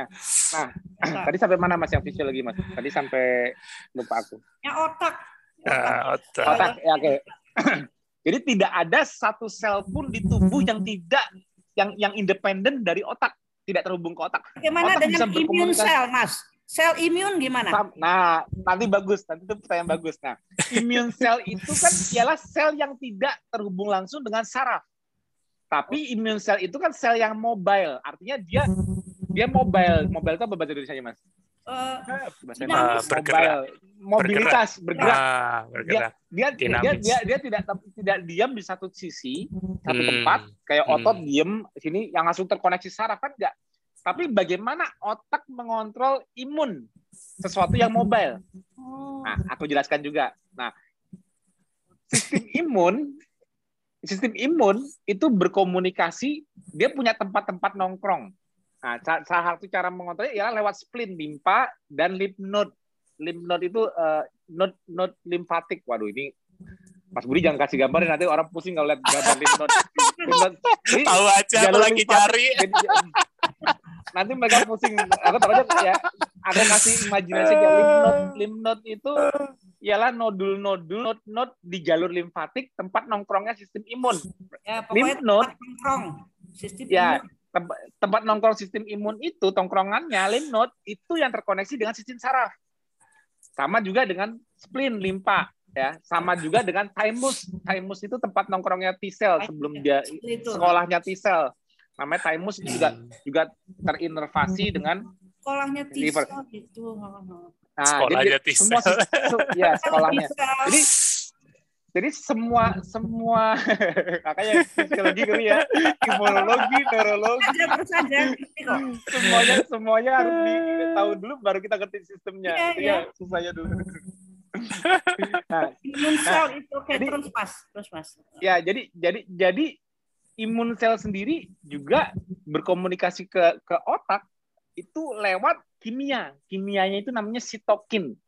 Jadi oh, sel imun ya, ya, yang berbahaya ya, itu. Sitok, nah. kayak sitokin storm itu. Nah, jadi nah. jadi sel sel imun itu bisa berkomunikasi ngasih kasih tahu ke otak ialah ngasih tahu kotak untuk untuk mengatur sistem saraf otonomiknya ialah dengan hipotalamus. Jadi jadi di otak itu ada hipotalamus yang dia langsung intervensi dengan sirkulasi darah. Oh iya. Jadi apa pun apa pun yang beredar di darah itu terdeteksi lewat hipotalamus. Nah, hipotalamus itu memberikan input ke otak nerve. Hmm. Ya. Nah, sistem otak ini mensensing lingkungannya lewat hipotalamus. Nah, dan otak mentranslasikan inputnya itu menjadi bentuk output untuk perintah organ lain, ya itu Hmm. lewat sistem saraf. Tapi dia sensingnya itu lewat hipotalamus. Nah, Ya, lewat tahu. hipotalamus ini dia bisa berkomunikasi juga secara tidak langsung dengan sel lemak. Contohnya gini, sel lemak udah penuh, aku sekresikan leptin namanya hormonnya. Hormon leptin akhirnya sampai ke hipotalamus. Hmm. Nah, ya kan? Nah, juga nanti misalnya insulin juga ke hipotalamus, kortisol juga ke hipotalamus. Sitokin dari sel imun juga ke hipotalamus. Hipotalamus memproses itu menjadi sebuah output baru untuk counter regulasinya atau untuk eh, eh, regulasi searahnya, mendukungnya, mendukung atau menahan untuk Ya. eh, apa sih bahasanya? Jadi untuk mengatur tidak berlebihan atau untuk mendukung permintaan itu Ya, ya. fungsi otak. Jadi otak itu processing unitnya di sini. Ini otak kita CPU Ya, nih. ya. Jadi kalau kalau udah bisa lihat fisiologi kayak aku semuanya jelas deh. Nggak ada yang nggak jelas. Aku aku tuh aku tuh tanya orang langsung, langsung, langsung di otak langsung karena karena aku dulu belajarnya sistem. Jadi jadi jadi aku Ya. sistem interorgan, komunikasi interorgan. Nah, Hmm. Jadi otak itu memprosesing segala hal yang terjadi di tubuh kita. Processing unit kita di sini, nggak ada otak, semua berhenti. Nah, gitu loh. Makanya makanya Indeks. penting makanya big brain kita ini luar biasa loh, sangat luar biasa. Sistem biologi semua kontrolnya di sini. Makanya manusia itu survival manusia itu sebetulnya otak. Iya, Makanya kita makanya kita 9 9 bulan nggak langsung lari, nggak langsung terbang, nggak langsung ya, apa, lama Ka- karena otak duluan yang harus sempurna manusia. Itulah pentingnya otak manusia. Makanya ketosis itu penting. Nah, nah jadi jadi jadi kalau kalau kalau sensingnya ini semua di otak, berarti sistem stres itu sangat mempengaruhi banget nggak di otak? Misalnya input psikis deh, pengaruh Iya. nggak? Sama. Apa pun yang kita kan kan salah satu stresornya nggak cuma fisik, fisiologi. Psikis. Salah satu stresornya adalah psikis. Nah kalau psikisnya kena, Iya. kira-kira mengganggu cara otak, mengganggu cara otak sebagai CPU untuk mengkontrol semua metabolik nggak? Benar nggak? CPU, CPU otak. Kan otak itu kan CPU-nya, Ya, ya. central processing unit, central processing unit dari dari semua input dan memberikan output. Nah ini terganggu secara psikis. Ya. Kira-kira metabolik lainnya terganggu? Terganggu. Kalau ini sebagai Terganggu. ya itulah, Gula darah itulah, naik, gula darah ikut Itulah. naik, tekanan ikut itulah. naik. Oh, elah. Itulah 24 jam nggak? Jadi gini, Mas, aku udah nggak makan karbo nih, udah nggak masukin gula. Kok gula darahku susah turun? Iya, aku, ya kan? Kok tensiku kok bisa tiba-tiba naik? iya. Dari Kok aku udah, kok aku udah kayak gitu, tapi kok aku ada gangguan ginjal nih, kreatinku, ureumku naik. Lah, Hmm. memangnya ginjal, memang memangnya ginjal nggak terinervasi dengan sistem saraf simpatetik? Jangan salah, iya. pengaruh. Emangnya em- emangnya ginjal nggak memberikan metabolic input ke otak? Memberikan renin angiotensin system namanya dan aldosteron system. Pengaruh. Jadi semua organ itu bisa bisa di efek diberi efek oleh otak dan semua organ bisa memberikan input balik ke otak. Dua arah. Jadi otak itu mengontrol semua sel itu dua arah. Mereka diberikan impact, mereka memberikan output input. Nah, jadi metabolic input kita 24 jam, bukan jendela makan, bukan nelen ini hop, nanti tubuhku jadi apa ya? Makan hop, tubuhku jadi apa ya? Aduh, itu mah itu mah itu mah sangat jauh dari fisiologi. Jadi kalau orang nggak pernah belajar fisiologi, mentok di makanan, makanan itu sangat jauh, impactnya cuman cuman sangat jauh deh kecil. Aku aku karena udah ngerti fisiologi, aku tuh nggak pernah ngomong makanan kenapa? Karena impactnya hampir tidak sebesar pengaruh yang lain. Jauh banget. Walaupun memang itu berpengaruh. Walaupun itu berpengaruh, tapi impactnya 24 jam itu harus penting terjaga itu karena karena sistem kita itu nggak sesimpel as you think gitu loh nggak sesimpel makan ini terus kita jadi gini nggak sesimpel makan ini jadi it's not that simple gitu loh. kalau udah pernah belajar fisiologi it's not that simple simple ah, ya, sangat kompleksitasnya sangat tinggi aku juga masih menye berusaha menyederhanakan tapi Nah, itu. Tapi kita harus melihat 24 jam stresor apa aja yang bisa mem mempengaruhi glikemia. Salah satunya ialah lewat hmm. HPA axis yang kortisol dan simpatetik tadi. Kenapa kok liver jadi buat gula kebanyakan? Hmm. Saat kita stres berlebih. Kenapa kok sistem stres bisa mempengaruhi baru refleksnya ke jantung? Kita jadi berdebar. Ya. Kenapa sistem simpatetik kok bisa mempengaruhi vagus nerve kita? Vagus nerve itu vagal yang mempengaruhi kayak contohnya pencernaan, vagal tone-nya, Kenapa kok bisa sampai ke pencernaan kita? Oh, apalagi tadi ibu ngomong apa? Uh, tadi Guillain-Barré syndrome. Tadi yeah. kalau salah ya, saya saya meninggal itu GPS GPS kalau ibu ada ibu ada GBS nggak? Hah? ibu ada GBS ibu ada GBS nggak? Enggak. GBS enggak. Tadi tadi oh tadi tadi cerita saya? ayahnya, ya? almarhum ayah oke okay, nah apalagi apalagi ini mumpung mumpung kesebut Guillain-Barré aku jadi keinget Guillain-Barré syndrome itu salah satu problem sama seperti Alif demyelinasi tapi dia di vagus di di, di itu di jalur di, jadi jadi di tulang belakang itu sistem spinal cord itu di spinal cord belakang ini ada vag, ada nerve terjadi demyelinasi di vagus nerve-nya, vagal tone-nya. Nah, efek demyelinasi itu membuat sistem vagal, vagus nerve atau vagal tone-nya turun, otomatis membuat simpatetiknya dominan.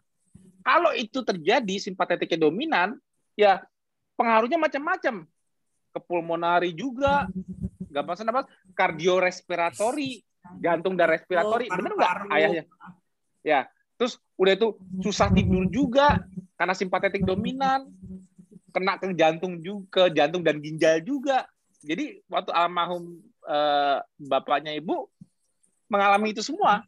Ya. Gangguannya di mana-mana Guillain-Barré ya, syndrome itu sadar karena karena karena dia pengatur jantung juga akhirnya. Iya, karena karena karena jantung itu kan dikontrol secara out. Jadi gini, orang Guillain-Barré syndrome itu mudah muncul disautonomia, gangguan di autonomic nervous system. Kenapa? Contohnya jantung jantung itu kontrol autonomiknya itu simpatetik dan parasimpatetik. Waduh, Mas Budi, orang pusing loh, Mas. Biar tahu kalau otak itu master control. otak kita, wow. tapi, tapi, tapi, tapi, tapi ini penting, tapi ini penting, tapi ini penting. tapi ini penting kenapa kenapa kenapa aku desain KFC seperti itu, tapi ini penting untuk dijelaskan. Kayak contoh jantung nih. Iya, kayak, kayak jantung nih, kayak jantung nih, kayak jantung. Nih. Jantung itu terkoneksi dengan jantung itu secara secara secara alaminya dia memang memang berdetak sendiri. Tapi dia juga hmm. ada modulator dan de, demodulator dan demodulator. Modulasi dan demodulasi. Itu itu autonomic branch. Hmm. Itu simpatetik dan parasimpatetik. Ya. Nah, hmm. kalau kalau bapak ibu bapaknya ibu ayahnya ibu itu ada Guillain-Barré syndrome, vagal tone-nya vagal tone-nya, sisi yang menurunkan menurunkan detak jantungnya itu hmm. turun. Yang dominan ya meningkatkan detak jantung. Dia palpitasi, sering dedekan, berdekan, sering cepat. Itu ya. efek sampingnya dari vagal tone yang diturunkan, kenanya ke jantung. Ya, ya. Nah, jadi pentingnya pentingnya kita ngerti bahwa wah kalau sampai saraf kita terganggu regulasinya, hmm. sistem otonomik, sistem otonomus kita terganggu regulasinya, itu impact-nya ke mana-mana, ke ginjal, ke jantung, ke sistem iya. ke sistem vasokonstriksi, ke sistem yeah. apa, bagaimana pembuluh darah berdilatasi dan dan berdilatasi dan konstrik kembali, pengaruh semua. Hmm. Wah, kompleks deh kalau kalau udah ini, ini ini aku baru kali ini nih kayaknya lebih teknikal nih karena aku jarang sampai ke sini nih jelasin ini. Cuma karena lagi seru.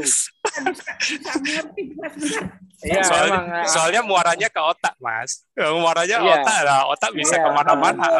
Iya, Otaknya mau saya iya, makanya. ya. Aku minum dulu. Terus terus. Saya foto dulu tuh gambar otak ke mana-mana itu. Hmm. Nah, nah jadi jadi sistem saraf yang yang berbagai macam itu dan dia juga bisa menerima input baik di hipotalamus itu memang kompleks. Tapi nggak usah Hmm. pusing deh, nggak usah pusing. Aku simpelkan semua seperti ancestral lifestyle di mana para ancestor kita yang tinggal di hutan, alam liar itu tidak ada yang Hmm. ngerti ilmu ini. Iya. Tapi dia membiarkan alam mengaturnya. Alam memberikan dia clue bagaimana what to do, what what to behave. Behavioral response-nya diatur oleh alam. Itu kuncinya. Hmm. Karena manusia diberikan sistem yang kompleks seperti ini, yang baru ngerti ini kan orang yang sekarang, yang udah udah belajar banyak. Dulu kan nggak ada yang ngerti, tapi kan bukan berarti kalau yang nggak ngerti ini nggak sehat dong. Kalau sekarang kan kita harus ngerti ini supaya kita sehat karena banyak pilihan-pilihan secara modern. Tapi kalau di masa lalu, di masa lalu bagaimana orang tetap sehat? Itu alamnya. Makanya fasting, moving, bergerak, feeding, makan, jenis makanannya, re- relaxing, sleeping, itu bagian yang secara alamiah terjadi tanpa kita perlu belajar ilmu ini sebetulnya. Tapi di alam liar, bukan sekarang. Nah, makanya kalau kita di alam liar dulu eh, gangguan psikisnya kayak kita sekarang nggak kita enggak kan? Nggak. Kalau kita hidup di hutan, hidup kita cuma simpel banget. Simpel Beda gimana aku bisa gimana saya bisa makan hari ini? Kan cuma itu doang. ya, Dan saya harus bergerak mencari makan. Selesai kan? Nggak nggak nggak rumit-rumit, nggak dengan berbagai masalah, nggak ketakutan ini. Malah dulu dulu nggak tahu kali kalau saya sakit saya nggak tahu nih saya kena apa. Entah itu bakteri, entah itu virus, entah itu parasit, kan nggak tahu kan? Ada ilmunya nggak? Nggak ada. Iya. Nah, tapi saat dulu nggak ada ilmunya, gangguan psikis kita rendah. betul. Kalau Nah, sakit, kalau Iya. sakit, ya aku lemes. Kalau aku lemes, ya aku nggak nafsu makan. Kalau itu aku drowsy, ngantuk, aku tidur. Harapanku besok udah seger lagi. Tapi aku memikirkan kecemasan, wah ini yang masuk virus tipe ini bahaya. ngerti juga enggak kok ngerti juga enggak. tapi tapi basic respon manusia ini ya basic respon manusia ini di alam liar itu mengkoordinasi membuat adaptasi terhadap infeksi contohnya itu jadi bagus. Bagusnya gini maksud gini. Nggak ada jadi infeksi itu sendiri stres ke tubuh. Karena Right. dengan masuknya infeksi tubuh harus lawan balik supaya infeksinya nggak menyebar, nggak replicate, nggak nggak apa meng- dia harus tubuh kita ya tubuh kita harus bisa mengeradikasi mengeluarkan virus ini atau infeksi ini. Kan berarti infeksi itu berarti kan stresor eksternal, stresor exogenous, stresor dari Hmm. luar, betul nggak? Betul. Hmm. Oke. Kalau stresor kalau stresor ini dari luar, satu sistem stres itu juga sudah harus membuat tubuh beradaptasi untuk lawan balik. Cara adaptasinya gimana? Hmm? Kita dimunculkan sickness anoreksia, kita jadi anoreksik, kita yang nggak nafsu makan, terus kita juga dibikin ngantuk, drowsy, kita jadi jadi jadi sleepy. Hmm. Tujuannya tubuh melakukan itu kenapa? Karena tubuh mau mengontrol inflamasi. Karena tubuh untuk melawan infeksi, Ya. memang responnya ialah inflamasi. Tapi gimana supaya inflamasi yang dilakukan tubuh dalam dalam usaha dia mengeradikasi, mengusir uh, tidur penjajah, tapi nggak berlebihan. Caranya gitu inflamasi. Nah, bahan baku dasar inflamasi ini apa? Bagaimana cara inflamasi itu terjadi? Inflamasi itu kalau secara uh, chemicalnya dia mensekresikan sitokin. Sitokin yang tipenya tipe inflamatif. Contohnya interleukin 6, interleukin 1, interleukin 17A, nggak usah dihafalin terpusing. apa Ah, ya. Pokoknya pokoknya pokoknya pokoknya sitokin pokoknya sitokin itu yang bersifat inflamatori itu disekresikan oleh sel-sel imun kita. Contohnya makrofag. Contohnya makrofag nih aku kasih Ah, tahu yang bentuknya Ya, kayak gitu ya. Ya contohnya basicnya semua monosit. Nanti ada ada makrofag, ada neutrofil dan macam-macam. Nah, tapi Neutrofil. tapi intinya nah, tapi intinya tapi intinya mereka ini untuk mem- mem- menyalakan engine memproduksi set- sitokin yang inflamatori. Bahan baku mereka apa? Gu, Gula. glukosa, gula, sugar. Nah, jadi kenapa kita dimunculkan sickness anoreksia dan kita dibuat sleepy? Tujuannya supaya inflamasi yang bakal diadakan untuk melawan balik tidak berlebihan. Iya. Tujuannya kalau kita dalam kondisi kita sering tidur dan tidak makan, otomatis liver liver kan nggak bisa dipus buat gula banyak-banyak. Jadi demand untuk melawan infeksi, demand ke liver, gulanya cukup untuk ini. Tidak ada permintaan-permintaan lain seperti saat kita terjaga, Iya, kita terjaga, sering terjaga, terus kita banyak pikiran, kita cemas, kan makin banyak permintaan, otomatis liver makin banyak buat gula. Kalau liver makin banyak buat gula dan dipakai oleh si virus sebagai bahan baku replikat dan juga dipakai oleh sel Nah, jangan, dipakai oleh sel imun sebagai bahan bakar eradikasi menyerang, ya bubar jalan. Virusnya replikat, imun kita.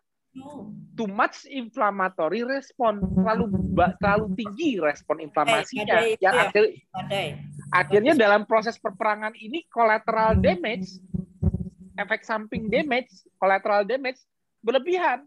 Contohnya kalau covid di alveolar tisunya di paru-parunya tempat lokasi peperangannya banyak yang rusak. Kenapa? Karena respon inflamasinya berlebihan replikasinya berlebihan. Kalau kita dalam kondisi sering terjaga stres tinggi makan karbo pula Wah. selesai. Kalau makan karbo sumber gula dari luar. Stres sumber gula Hmm. dari dalam. Jadi jadi nggak makan karbo itu cuma satu ikhtiar nggak? Betul nggak? Iya. baru satu. Yang ini lebih penting nggak? Karena ini bisa mem- memberikan demand ke liver buat gula loh. Penting Mem- ya. memangnya iya memangnya memangnya virus maupun sel imun tahu ini gula dari karbo nggak saya pakai ini gula dari liver saya pakai kan nggak? Tahu. ya taunya taunya kan gula. Entah kamu masukin gula dari mulut atau gula dibuatin pabrik. Pokoknya gula darah meningkat aja. Glikemia tidak terkontrol aja.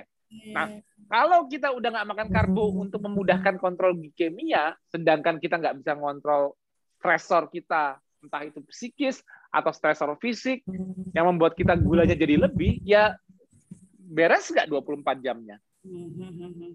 Itu sebabnya makanya KF itu 24 hour lifestyle intervention. Mengatur supaya kita harmonis. Supaya apa? Supaya 24 jam kontrol glikemia kita bagus terus. Di jendela makan kita nggak bagus di jendela makan kita nggak makan karbo gula darahnya pas sore bagus tidur kita nggak bagus tek tek tinggi besok pagi tinggi nggak gula darahnya? Iya. Iya. ya berarti berarti nggak kita. Tidurnya nggak bagus. Ya, stres. ah, berarti berarti di jendela puasa kita malah lebih jelek kontrol glikemianya gara-gara tidur nggak bagus gara-gara stres tinggi dibanding jendela makannya kan konyol kita udah kita dulu makan karbo sering Iya. makan kita nggak bisa kontrol glikemia gila kita nggak makan karbo kita nggak bisa kontrol stres Tetap aja.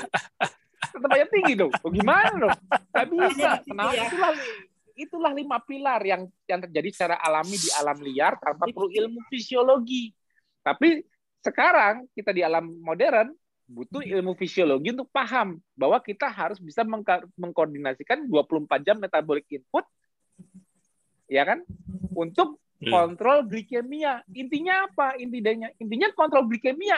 Karena yang membuat insya Allah di luar takdir kita bisa punya umur panjang, di luar takdir umur memiliki umur biologis ya, umur biologis bukan takdir ya. Memiliki umur biologis yang bagus ya apa? Kalau gula darah kita selalu stabil. Jadi kalau misalnya kita bikin kita bikin kayak eh, pattern gitu. Orang yang gula darahnya selama gaya hidupnya itu gaya apa pun gaya hidup orang tersebut, kalau gula darahnya sering lompat-lompat, umur Hmm. biologisnya lebih pendek dibanding orang yang gula darahnya stabil terus, betul nggak? Umur biologis ya, bukan takdir. Hmm.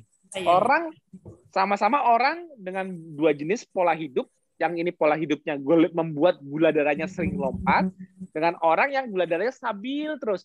Kira-kira umur biologisnya panjangan mana? Yang stabil apa yang lompat-lompat gula darahnya? Stabil. stabil di luar di luar takdir Takdir, umur ya. biolo di luar di luar takdir ya kalau takdir kan misalkan mau ini mau ini sebagus apa pun pola hidupnya kalau takdir mau apa? Iya. nggak bisa kan? Kita, jadi, jadi kita ngomong dalam dalam koridor umur biologis cara Ya. biologis. Sel sel sel kom- kumpulan sel sel kumpulan kumpul organisme. Dua jenis organisme yang bisa mengontrol glikemia lebih baik itu yang umur biologinya lebih panjang. Itu sudah pasti.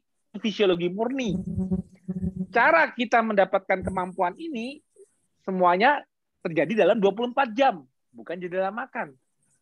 Contoh, nggak makan karbo, otomatis gula yang ada di darah, glikemianya hanya sesuai permintaan buatan liver. Nah, oh ya, ya pasti lebih mudah karena nggak harus counter gula dari luar. Glikemia lebih terkontrol, benar nggak logikanya? Jelas, nggak hmm. makan karbo satu ikhtiar. Tapi 24 jam di luar jendela makan terganggu, kira-kira glikemianya lompat-lompat juga nggak?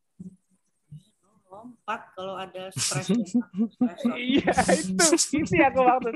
Itulah 24 jam lifestyle intervention. Itu yang aku maksud. Jadi jadi sama aja bohong. Ikhtiar kita bohong. Udah gak makan, udah capek-capek gak makan karbo, kita iya. nggak bisa kontrol yang lain. Ya. aja naik. ya, jadi jadi jadi kenapa kita mesti lihat secara holistik as a whole karena kontrol glikemia itu kontrol glikemia yang yang tergantung dari metabolic input terjadi 24 jam bukan jendela makan. Jadi karena kita iya. apalagi makanan kita udah sempit jendelanya. Ya kita asal udah tahu apa yang harus dimakan, kita juga harus pintar ngatur yang lainnya supaya harmonis. Supaya glikemia kita terkontrol. Betul nggak sih logikanya? Betul itu itulah KF itulah makanya kalau kalau kalau aku bilang kalau orang udah masih masuk udah masuk ke grup KF udah lama di KF masih mentok di makanan aduh aku sebagai founder kayak ngerasa nggak nggak berhasil gitu mendidik pencerahan sebagai founder pencerahan. kayak pencerahan ya, aku, terus mas. Pencerahan. Iya aku, makanya aku sampai sampai gimana caranya supaya orang-orang di KF ini lebih pinter lah dibanding orang-orang yang mengetahui secara umumnya gitu loh mengenai makanan cuma mentok di makanan apa oh kalau mau sehat makan ini banyak ini aku maunya mereka ayo dong. Aku seorang yang non medis pun seorang anak teknik bisa ngerti sejauh ini masa ya, ya bisalah dikit-dikit semuanya akhirnya mudeng gitu loh uh, mengenai tubuh. Karena ini ilmu yang penting untuk kepentingan diri kita sendiri bukan untuk ya memang kita butuh dokter untuk untuk medical advice. Tapi at least kalau kita ngerti fisiologi kita hmm. nggak kita memang nggak bisa kalau kita bukan dokter kita nggak bisa ngeresepin untuk diri kita sendiri obat. Nggak boleh. Nggak boleh ya. Itu itu udah tugas dokter. Mereka udah sekolah untuk itu. Kita at least dengan ngerti fisiologi kita tahu apa yang harus kita lakukan untuk diri sendiri sebagai lifestyle intervention. Ini hak kita. Hak kita untuk mengatur pola kita berpikir, hak kita untuk mengatur apa yang kita makan. Terserah, aku aku nggak makan karbo, emang gue bakal di penjara kalau nggak makan karbo kan enggak? Dan hak kita, kita sama hak kita, petani. Ya, ya hak kita untuk mengatur kapan kita tidur. Gue mau tidur hmm. ini mau apa? Nah, iya. Jadi hak-hak hak-hak pribadi kita yang bisa kita atur sebagai lifestyle kita ini yang aku perlu jelaskan secara fisiologinya supaya mudeng kenapa kita melakukan itu. Hmm. Gak cuman nggak cuman kata Mas Tio, kata Mas Tio. Lah, kok semuanya kok sebuah kata Mas Tio, ngerti nggak? Kalau cuma kata Mas Tio, pasti tapi ah, Mas Tio nggak lihat ini udah cheating. Karena gitu lagi. Ini pengertian fisiologi itu untuk diri sendiri, untuk pribadi. Oh, aku tahu karena aku paham fisiologi, Aku nggak. Jadi gini, semakin orang mengerti sesuatu, semakin dia tidak melakukan kesalahan. Benar nggak sih? Iya. Semakin yeah. dia mengerti sesuatu, semakin dia karena dia tahu konsekuensi dari kesalahan dia. Hmm. Iya kan? Makanya, makanya cari yang sama tadi katanya. Iya, makanya makanya kayak gini kan ilmu dari Bu Juni di TFH ini ilmu jadi hmm. ilmu ilmu ini semua kalau kalau orang-orang pada rajin nonton TFH minimal minimal nanti nonton YouTube-nya, rajin-rajin browsing, apa untuk menelan semua ilmu-ilmu yang kita pernah share di KF ini, insya Allah kita lebih bijak dengan apa yang mau kita lakukan. Kita lebih kita lebih bijak mengontrol stres kita, kita lebih bijak untuk memilih makanan kita, kita lebih bijak kita bijak 24 jam setiap hari, 24 24/7 kali 365 hari. Bijak terus. Karena apa? Kita udah ngerti secara fisiologi konsekuensi apa yang kita dapatkan. Kita kita tahu kapan begitu ngerti fisiologi. Waduh, kayaknya aku terlalu banyak ngegas nih, harus ngerem. Aduh, aku kebanyakan hmm. ngerem nih, kurang gas. Aduh, aku kurang matiin stop nih. Nah, karena aku bilang gasnya kayak jadi kalau anggap aja mesin anggap aja tubuh kita ini mobil 5 menit lagi. Anggap aja tubuh kita ini anggap aja tubuh kita mobil dari mulai bangun pagi, hmm. dari mulai bangun pagi, kita udah nyalain mobil dong, greng. Anggap aja hmm. kalau kita tidur itu kan mobilnya mati. Ya kan kita nggak bergerak nih, hmm. roda-rodanya nggak ada yang bergerak nih, tangan juga nggak bergerak. Kan kan roda-rodanya mati nggak dijalanin. Begitu kita bangun pagi, reng, mesin dinyalain idle. Idle idle-nya mesin di pagi hari kan masih dingin tuh. Itu Ya. disebut namanya resting resting heart rate. Hmm. Nah, Hmm. Kalau kita mesinnya langsungnya pagi hari masih dingin karena karena benar-benar mesinnya udah nggak panas. Karena yang Hmm. mesin kemarin dipakai kan panas. Kalau mesin seharian dipakai kan pasti mesinnya panas dong. Iya. Ya. Dimatiin kan supaya dingin dong, sistem stresnya Iya. turun lagi. Iya. Nah pagi-pagi kita nyalain mobil, greng, idle-nya bagus, langsamnya bagus. Kenapa? Karena karena udah nggak panas, mesinnya udah dingin, Hmm. ya kan? Nah, karena stresnya udah turun. Pagi hari kita baru mau ngasih stres lagi seharian. Stres melalui puasa, stres melalui olahraga atau bergerak, stres Iya. melalui pikiran karena kita harus bersosialisasi dan sebagainya. Itu kita mau mau, mau ngegas nih. Pagi-pagi mau ngegas. Gimana Hmm. supaya tiap pagi itu idle-nya bagus, resting heart rate-nya bagus, tensinya bagus, gula darahnya bagus, baseline-nya bagus, itu berarti kan kesempurnaan dari kita dinginin mesin dong semalam Hmm. itu dong Hmm. Hmm. Hmm. greng pagi-pagi oke nah sekarang aku jalani nih nah, dari gas gas mulai digas nih nggak makan puasa gas apalagi bergerak tambah gas apalagi Hmm. mulai berpikir tambah gas nah jadi puasa bergerak aktivitas atau olahraga berpikir itu gas bukan gas bukan Gas. Gas. stres bukan stresor bukan Stres. Stres. ya kan. Jelas. Hmm. Hmm. puasa Hmm. dan olahraga stresor Stres. apa fisik bukan fisik Fisik. Kalau berpikir stresor psikis bukan. Tapi semua dalam lingkup gas bukan. Pedal Iya. gas kaki kanan. Nah, Stres. nah, kita nge- kita ngegas nih, ngegas nge tank jam 12. Nah, yang Makan. yang yang yang jam 12 makan. Nah, makan itu, makan itu happy, happy. Nah, makan itu sistem pencernaan kita terhubung dengan yang aku bilang tadi, vagus nerve, vagal Hmm. tone. Hmm. Itu itu itu counter regulatory dari simpatetik sistem stres. Berarti kalau kita masuk makanan, logikanya kita ngerem nggak? Iya. Ya, Gasnya berkurang nggak? Oh iya, Nah, Masih berkurang. ya dong. Ah, Hmm. makanya kalau ibu habis walau kalau ibu nggak makan, ibu nge-gym, ibu apa apa senam tera itu kayak segar, tapi begitu habis makan agak berkurang nggak kemampuannya untuk fisik. Benar dong? Pa- Pas-pas harus mencerna, ibu turun nggak kemampuan fisiknya? Masih bisa lari atau olahraga secepat belum makan nggak? Nggak kan? Bisa, Karena bisa. kan, Kan karena mulai ngerem. Nah, Hmm. dan yang yang Punya untuk dan, dan, ngerem. ah, dan walaupun ibu nggak bisa berpikir jernih seperti sebelum makan, tapi ibu lebih rileks nggak? Kan begini, aku kalau udah makan kebanyakan jadi bego nih, kan ada orang ngomong gitu kan? tapi iya memang karena karena karena Relax. karena ya karena apa? Walaupun kita tidak bisa putar otak, nggak bisa putar otak atau berpikir keras seperti di jendela puasa sebagus itu, tapi walaupun pada saat kita berasa kita kayak lemes, habis Iya, makan lemes, Hmm. Hmm.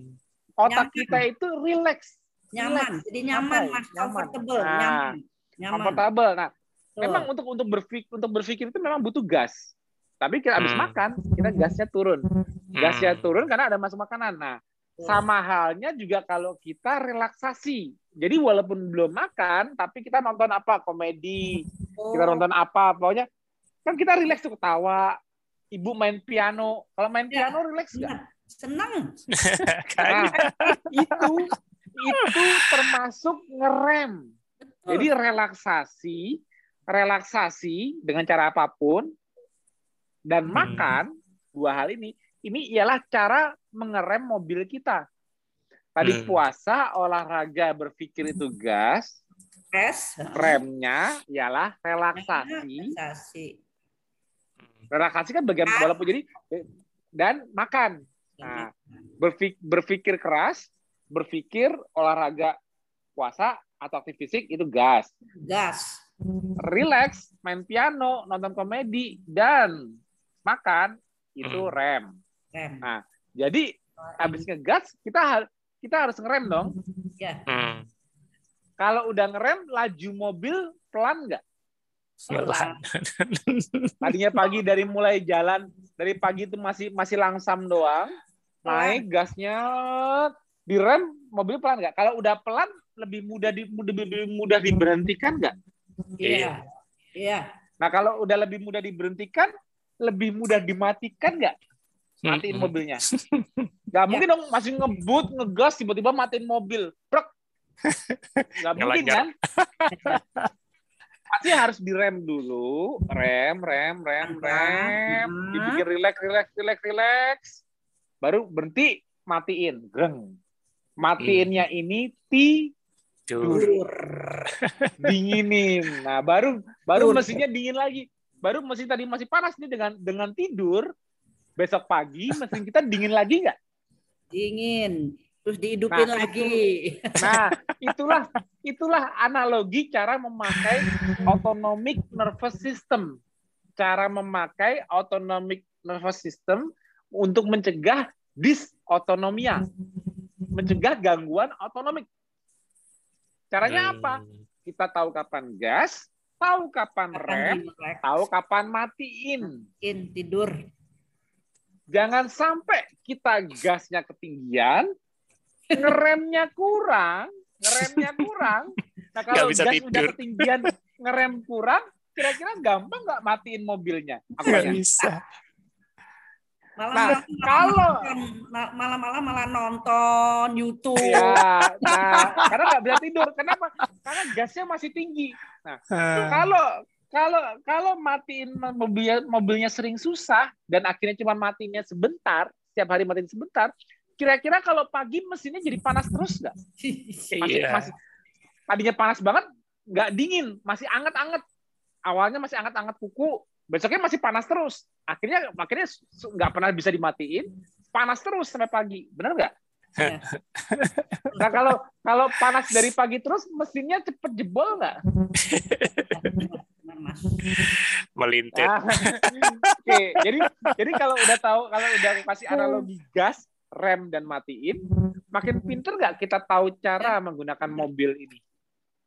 Hmm. Hmm. Kita tahu kapan gas, kita tahu kapan rem, kita tahu kapan stop. Perlu Nah, misalnya, perlu latihan, perlu dilatih. ya betul. Nah, misalnya mobil ini, mobil ini mendapatkan stres dari luar. Tadinya kita nggak ada stres. Dengan kita nggak ada stres dari luar, kita kita menciptakan stres sendiri. Stres lewat puasa, stres lewat olahraga, stres lewat berpikir. Lalu nanti kita ngerem, relax, makan. Terus kita matiin. Setiap hari seperti itu. Tiba-tiba Hmm. kemasukan stres dari luar, menambahkan beban dari luar. Contohnya apa? Infeksi. Infeksi stres nggak? Nah, Iya. contohnya itu. Nah, Vaksin, itu vaksin, itu itu itu stres tambahan bukan? Iya, tambahan dong. Kan udah ada stres Membuat- yang lain. M- Membuat mobilnya jadi lebih panas nggak harusnya? Iya. Tambah, Nah, ya. ya. Ya. Jadi caranya caranya untuk tidak terlalu kepanasan gimana? Jangan dinyalain Berarti- dulu. Harus sering dimatiin nggak? Harus sering dimatiin nggak? Kalau kalau sedang sedang ada sedang ada tembakan Oh, oh, dari oh. luar nih, Iya, iya, iya. makanya ada, ada ada tambahan stres dari luar infeksi. Kira-kira posisi yang terbaik untuk mengalahkan stres lebih dari infeksi ini Istirahat. ialah dengan cara ya matiin mobil nggak? Ya. Relax, Iya. rem dan matiin mobil nggak? Iya. Tidur. Itulah kenapa ya, itulah kenapa respon alaminya mobil di alam liar atau di masa lalu saat nggak ngerti apa itu virusnya. Mobil Hmm. ini begitu ketambahan stres, mobil ini kerjanya cuma ngerem dan mati. Dah nggak tahu, nggak ditam yang tadinya gasnya stresornya itu yang pikiran itu tadinya itu di alam modern kita gede, di mereka nggak terjadi. Jadi tidak mempengaruhi kemampuan kontrol otak terhadap otonomiknya. Nah, kecemasan-kecemasan kita yang berlebihan di kondisi infeksi itu mempengaruhi cara otak mengontrol otonomiknya. Bisa memicu di- disautonomia. Karena terjadi disregulasi. Malah simpatetik simpatetik tone, stres yang tadinya tinggi karena infeksi, ditambah psikis tambah tinggi modulasinya. Hmm. Akhirnya malah jadi vicious cycle. Makin tinggi kemampuan kita untuk rileks jadi makin turun. Pada saat udah udah, udah keinfeksi, udah bergejala, banyak pikiran, nggak bisa tidur, bubar Hmm. jalan nggak? Lingkaran setan. Ya, kalau kalau terjadi seperti itu bubar jalan nggak? Bubar. Bubar Bubar. jalan. Ya, ya kalau itu sampai terjadi jangan heran. Kalau dari tidak dari nggak bergejala cepat banget sampai masuk ICU. Kenapa? Karena ujungnya autonomiknya terganggu semua. Begitu simpatetiknya over, vagal tone-nya ketekan, kardiorespiratorinya terganggu nggak? Iya. Kemampuan pulmonarinya terganggu Iya, nggak? paru-paru Lebih cepat lebih cepat sesak nggak? Iya. Lebih cepat udah jantungnya berdebar dan jantung kalau berdebar cepat kan berarti kan minta oksigen cepat. Tapi Iya. kemampuan nyerap oksigennya juga turun. Jadi makin cepat nggak fail- failingnya, failure-nya. Iya, iya. Hmm. Ya, makanya Sistemik. makanya makanya kalau kalau COVID nyerangnya nyerangnya ke sistem pulmonari dan kardiorespiratori, lawan utama kita cuma satu. Nih, otak kita, kontrolernya, autonomiknya. Makanya ikhtiar paling tepat ialah ikutin insting kita. Ngerem tidur. Tek. Jangan banyak pikiran. Kenapa? Kalau tidur memang benar. Kalau tidur nggak mikir. Makanya kalau bisa tidur banyak lebih bagus. Hibernasi, Mas. Ah, hibernasi. Nah, tapi kalau pada saat terjaganya kita nggak bisa kontrol pikiran saat kita isoman, misalnya kita isoman, lagi oke aku positif nih, aku isolasi mandiri. Tapi di isolasi mandiri kita banyak pikiran, aduh, ini aku positif lagi, aku ketakutan, banyak ketakutannya. Kira-kira tidurnya gampang nggak? Enggak. Enggak. Nah, nah, makanya aku, aku udah bilang, kalau kita pinter, kita cepat tanggap dalam menghadapi pada saat ter- pada saat terinfeksi kita cepat tanggap, yaitu dengan tahu langsung benar-benar lepas gas, rem dan matiin aja. Kemampuan kita untuk handle stres dari infeksi lebih mudah nggak? Ya. Hmm. Itu rahasianya. Itu cuma itu rahasianya di lifestyle intervention terhadap COVID. Dah, Uh, ikhtiarnya udah pasti udah pasti nggak makan karbo udah pasti. Ya. kalau kita sickness anoreksia udah pasti kita nggak bisa makan. Tidur yang banyak. Ikutin.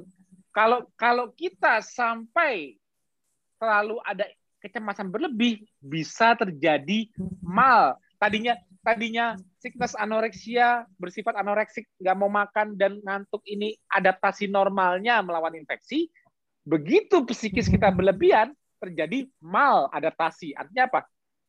Kita jadi malah nggak bisa tidur. Harusnya normal itu malah nggak bisa tidur. Adaptasinya malah terganggu. Akhirnya apa?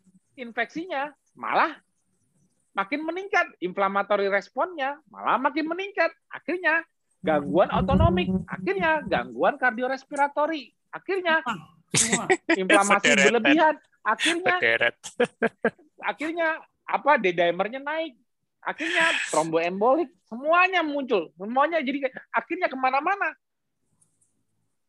itu Hmm. cuman Ya, itu ya, ya. itu cuman jadi jadi begitu infeksi masuk sampai kita sitokin storm sampai acute respiratory distress syndrome RDS itu cuman domino efek dari adaptasi yang gagal terhadap infeksi malah Ya. terjadi mal adaptasi Asik. Nah, jadi kuncinya saat kita terinfeksi ialah apa? Bagaimana how to adapt, how to adapt to an infection, Hmm. terutama viral infection.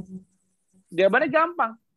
Fasting, sleep, fasting, fasting, relaxing, sleeping. Semua. Fasting, relaxing, relax ya. Fasting di kondisi relaxing, ya. Sleeping. Tadi apa gak? Aku lupa lagi ngomong apa tadi. Fasting, apa? Fasting, resting. Hmm. Fast, fasting di Fasting. kondisi resting, istirahat, sambil relaxing, perbanyak sleeping. Ini Hmm. adaptasi yang utama. Kalau Hmm. bisa melakukan ini dan nggak kita nggak nggak ada ketakutan berlebih dan sebagainya, aduh harusnya tubuh kita kerjanya untuk kompensasi, untuk kompensate, untuk counter infeksi itu harusnya mudah. Bakal it's nothing just like a flu gitu aja Ya, ya. cuman sebagai flu biasa. Tapi is- jadi jadi jadi kalau kalau COVID itu infeksi virus merupakan self limiting disease, dia dia mem- melimit dirinya sendiri, kitanya jangan jadi self accelerating disease. Jadi kalau COVID sampai maladaptasi, kita yang accelerate bukan COVID-nya. Iya. Kita yang nggak bisa beradapt dengan COVID-nya. Kita kena COVID, tapi kita malah accelerate, ngegas sampai ke mortality-nya, sampai ke uh, peak-nya inflamasi. Karena siapa? Karena kita. COVID-nya kan nggak hidup. COVID kan nggak bisa berkembang sendiri. Dia butuh host untuk ya. replicate. Jadi gimana kita mengkondisikan diri kita sebagai bad host? Kalau kita jadi bad host buat bad COVID, host. ya otomatis kita decelerate. Kita kita nggak kita kalau kita jadi bad host buat COVID, kita tetap membuat COVID sebagai self-limiting disease. Artinya tidak akan lama-lama, tidak akan memberikan impact banyak setelah disease-nya. Tapi kalau kita tidak bisa adaptasi dengan infeksi, dan kita malah maladaptasi, berarti self kita sendiri yang accelerating, mengaccelerate the disease. Meningkatkan penyakit ya. Uh, jadi it's all about us. Bagaimana kita handle-nya, bagaimana kita adapt dalam melawan stressor dari eksternal, yaitu contohnya infeksi. Ya, ya. Nah, lebih dari jam 10, mudah-mudahan mudah-mudahan malam ini jadi lebih cerah semua. Luar biasa, luar biasa. Dapat insight yang, banyak. Terutama yang terakhir menghadapi pandemi. yang kaitannya uh. bad host. Hmm. ya, jadi jadi jadi jadi jadi kenapa kalau kok Mas Tio kok kayaknya biasa aja sih? Ya bukan aku biasa aja, aku memang uh, ya ini memang pandemi terjadi. Ya pandemi memang meningkatkan stres di mana-mana. Tapi kita juga harus bisa menjaga psikis kita, jaga gaya hidup kita, ya kalau aku kalau aku sifatnya gitu. Kalau aku memang ya apa pun di kondisi apa pun aku menjaga lima pilar. Aku pribadi, hmm. aku menjaga lima pilar aku pribadi dan aku memang orangnya nggak gampang stres. Maksudnya uh, ya di bawah alhamdulillah ya kalau aku sih alhamdulillah untuk secara uh, sosial aku udah udah nggak udah nggak udah nggak mikirin macam-macam lah. Udah pokoknya aku nggak banyak stres aku bisa bisa mendapatkan pengennya metabolisme selalu bagus ya aku selalu jaga stres. Tapi kan aku nggak bisa menduplikasi diriku orang-orang. Tapi at least kalau orang-orang ngerti fisiologi at least mereka berusaha mereka berusaha untuk mengharmonisasikan gaya hidup mereka 24 jam. Oke okay, memang aku ada banyak pikiran ini. Oke okay, aku ada kendala ini. Ya aku nggak aku nggak nggak bisa jadi problem solver buat semua orang dengan masalah masing-masing tapi at least kalau mereka ngerti fisiologi mereka bakal find a way to solve their own problem supaya mengharmoniskan lima pilar KF terutama di sisi gas jangan berlebihan rem harus pas matiin tepat waktu matiin tepat waktu. Jangan pernah kurang matiin. Kalau kurang matiin mobil mobilnya pagi-pagi panas. Masih panas nggak responsif di gasnya di gas malah lebih susah malah malah malah nggak jalan malah lemes kitanya kok saya puasa jadi cepat lapar kok saya puasa malah jadi nggak aktif bergerak kenapa oh berarti mesin saya masih panas oh semalam saya matiinnya kurang lama nggak dingin mesin saya pagi-pagi itu cara melihatnya ya Nah, lega. Oke, lega. Dah keluar. Tambah ilmu, Mas. Tambah ilmu. Kalau kalau kalau kalau ngetik kalau ngetik mungkin nggak nggak kelihatan sederhana tapi kalau aku ngomong kayak gini dari otak ke mulut audio visual TFH kayak gini bisa membuat fisiologi kelihatan sedikit lebih sederhana Coba nih aku ketik, aku ketik dalam ya, postingan. Boleh usul, Mas Tio, Mas Tio boleh usul ya, boleh, buku fisiologi made. Aduh, aku nggak bisa nulis, karena aku nggak bisa nulis. Mas Budi tuh. Aduh. Tonton, yang bisa yang bisa nulis tonton semua TF aku tuangkan ke tulisan. Kalau aku nggak bisa. aku makanya nggak bisa buat buku. Aduh. Okay. Kalau aku bikin buku aku pasti detail. Oke. Okay. Thank you Mas Tio. Bu Bu Bu Juniwati bisa kasih closing statement Bu. Monggo, ya, silakan. Ya, terima kasih luar biasa malam ini saya terima kasih kepada Mas Tio. Terus terang saya baru ikut sekali ini TFH Talk hmm. from Home. FH. Ah, nah, mudah-mudahan jadi tertarik nonton TFH terus. Daftar saya nggak bisa masuk, tapi sekarang sudah mulai mengerti. Hmm. Ya, yang saya bisa tangkap adalah bahwasanya kita harus mengerti fisiologi. Hmm. Exactly. Sedikit demi sedikit kita harus mengerti, kita harus banyak belajar. Hmm. Itu saja yang saya dapatkan ilmu hari ini ya, bahwasanya otak itu adalah yang utama. CPU. Itu Makanya Y ket syukur kepada Y Tuhan, ketosis kepada Allah. Y- Y ketosis itu di sini Y ketosis. Mungkin kita punya Kenapa Dan- penting pakai keton? closing statement saya itu aja belajar fisiologi. Tuh. Ya pelan-pelan. Ya, belajar Nah. fisiologi supaya tidak mudah galau ya, Bunda ya. Age, age is just a number.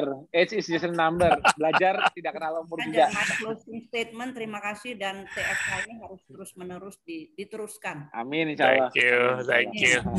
Terima kasih Baik. banyak Bu Jini Mati nih udah Ya. mau sharing eh, pengalaman dan Saya nggak ada sharing, saya cuma pengalaman aja. ya Eh, itu tapi sharing ini pengalaman. bermanfaat Bu.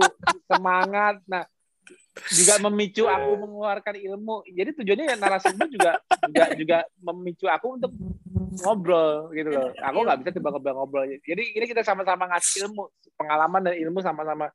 Ya video kita itu nanti insya Allah bisa bermanfaat buat orang lain yang menonton. Oh dapat insight baru. Ada YouTube-nya nggak nih? YouTube. Ada, nanti aku Ada, bagi ya, nanti di Nanti aku bagi. Nanti aku bagi. Hmm. Iya, Tio. Oke, Hmm, ya, thank you Bunda Juni, luar biasa. Walaupun sudah lanjut usia, tapi tidak terlihat secara fisik dan terlihat juga semangat untuk apa ini haus untuk terus me- mencari tahu apa yang benar. Itu itu yang terpenting. Karena bukan Hmm. demi siapa-siapa, ya satu hal mungkin aku bisa lengkapi supaya kita tidak mudah galau. Di tengah derasnya Hmm. informasi di zaman modern itu sangat mudah kita rentan untuk terpapar informasi yang tidak betul, hoax atau apa pun. Tapi yang harus kita punya adalah pemahaman tubuh kita sendiri karena kita yang paling tahu tubuh kita seperti apa. Ya. Ya. Thank you Mas Tio. Kita Thank you semua. nantikan minggu depan lagi ya teman-teman minggu Ya. depan ada episode non nakes lagi dan juga nakes sama Dan hari Rabu dan dan Sabtu ya jadi pastikan stay tune pengumumannya di Wall Mas Tio sampai jumpa Ya. dan selamat malam teman-teman